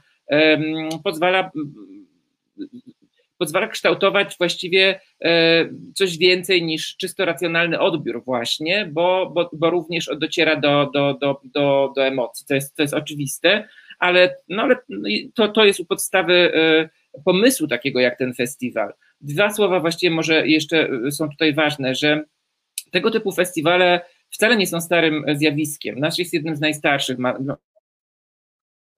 wiele było starszych. E, typu e, na przykład w kinach czy na, czy, czy, czy na innych festiwalach. W tej chwili e, one są dosyć szeroko rozpowszechniane, a takie festiwale jak nasz istnieją w tej chwili no, w kilkudziesięciu krajach świata. I z, z tego, czego, z czego się bardzo cieszę, to jest to, że to jest cały ruch, że, że, że, ci, że, że te starsze pomagają tym młodszym, bardzo często w krajach, które mają znacznie większe problemy ze swobodą ekspresji niż Polska. My na przykład e, wspieramy Watch Dogs Białoruś i, e, i naprawdę z takim ogromnym podziwem patrzę na to, co robią nasi, nasi koledzy z Białorusi teraz, prawda? Oni wszyscy też są bardzo aktywni jako obywatele i podejmują ryzyko organizacji festiwalu po raz kolejny. Podjęli je po raz kolejny w grudniu, nie tylko w Mińsku, ale także w różnych innych miastach. Więc e, to zjawisko jest nowe, narastające i to jest coś, coś bardzo, wydaje mi się, pozytywnego, także dlatego, że jest tam bardzo wiele naprawdę solidarności. Ja na przykład jestem teraz w jury festiwalu w Karamie, e, festiwalu Karama w, e, w Jordanii i tam, i tam również e, to są nasi przyjaciele, to są nasi koledzy z zupełnie innego kręgu kulturowego, którzy pokazują filmy, filmy jakoś związane z wartościami, z wartościami nam bliskimi. I teraz e, to pytanie, o, o, ja się oczywiście zgadzam, to nie jest pierwsza rozmowa, że takich filmów jest za mało, jak te, o których dzisiaj e, rozmawiamy. Powodów jest zapewne kilka, ale ja bym chciał skończyć jeszcze jednym optymistycznym właściwie takim, no taką uwagą optymistyczną. Jednak wiemy o tym, że, że tych filmów trochę powstaje. I może wymienię dwa, które, o które, już, które już są też jakby, informacja o nich jest, jest jawna, są w obiegu. E, myślę tutaj o filmie na przykład aborcyjnym Dream Teamie, e, który powstaje poza środowiskiem dokumentalnym. To jest trochę tak jak e, film Michała, że w tej chwili jakby one powstają czasami poza tradycyjnym środowiskiem dokumentalnym, ale korzystają z języka dokumentu artystycznego i to jest bardzo bardzo ciekawe. To są jakby nowe siły, które dołączają do tego, do tego świata. Powstaje doskonały film, naprawdę doskonały, bo widziałem Rawkat, film o, e, o, o polskim e, młodzieżowym strajku klimatycznym. Bardzo emocjonalny. Dla mnie, jako osoby już ze starszego pokolenia, to było takie pierwsze tak naprawdę doświadczenie, może tyle o tym słyszę, tyle filmów pokazujemy, takiego kontaktu z, właśnie z całą mentalnością e, tych ludzi i z, i z tą powagą, z, tą do, z tym, jak, w jaki sposób ta sprawa jest dojmująca e, dla nich, z zupełnie nowymi źródłami aktywizmu. To jest fascynujący, fascynujący obraz i bardzo dobry film. Trochę tego będzie i to jest pozytywna myśl taka, że mimo e, i zaszłości historycznych, i, i systemowych, i efektu mrożącego, i problemów z pieniędzmi, trochę tych filmów będzie i też są, e, dzięki takim ludziom jak Robert, istnieją e, archiwa e, audiowizualne, nie jest ich wiele, no to, to, to Robertowe jest wyjątkowe, dobrej, dużej klasy zdjęć i, i naprawdę znowu wchodzę na wysokie cele, ale spisane będą czyny i rozmowy. To będzie bardzo dobrze udokumentowany kryzys. On już jest dobrze udokumentowany na różnych poziomach, prawnym,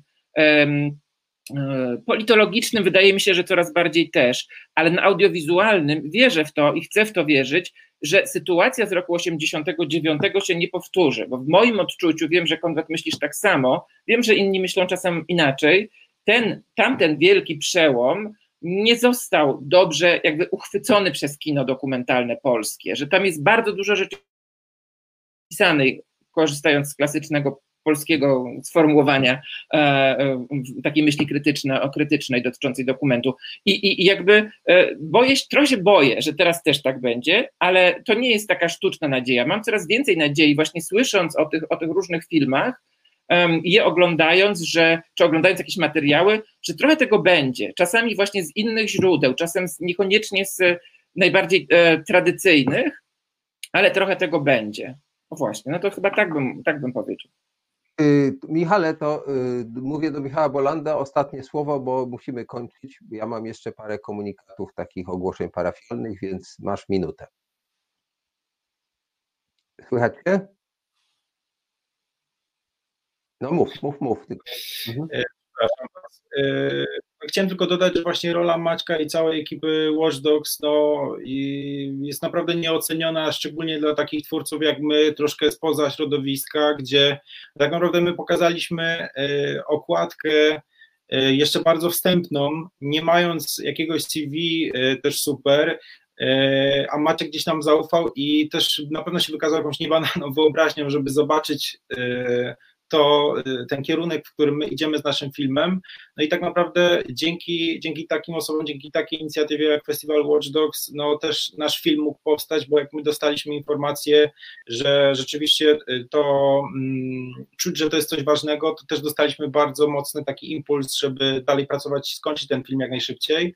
No to jest super i, i dzięki tak, takie miejsce też na pewno się przyczyniło do, do tego, że myślę, że mój czy, czy Iwona i Kaspra film też Bardzo powstał. chcę Wam serdecznie podziękować za udział w tym programie.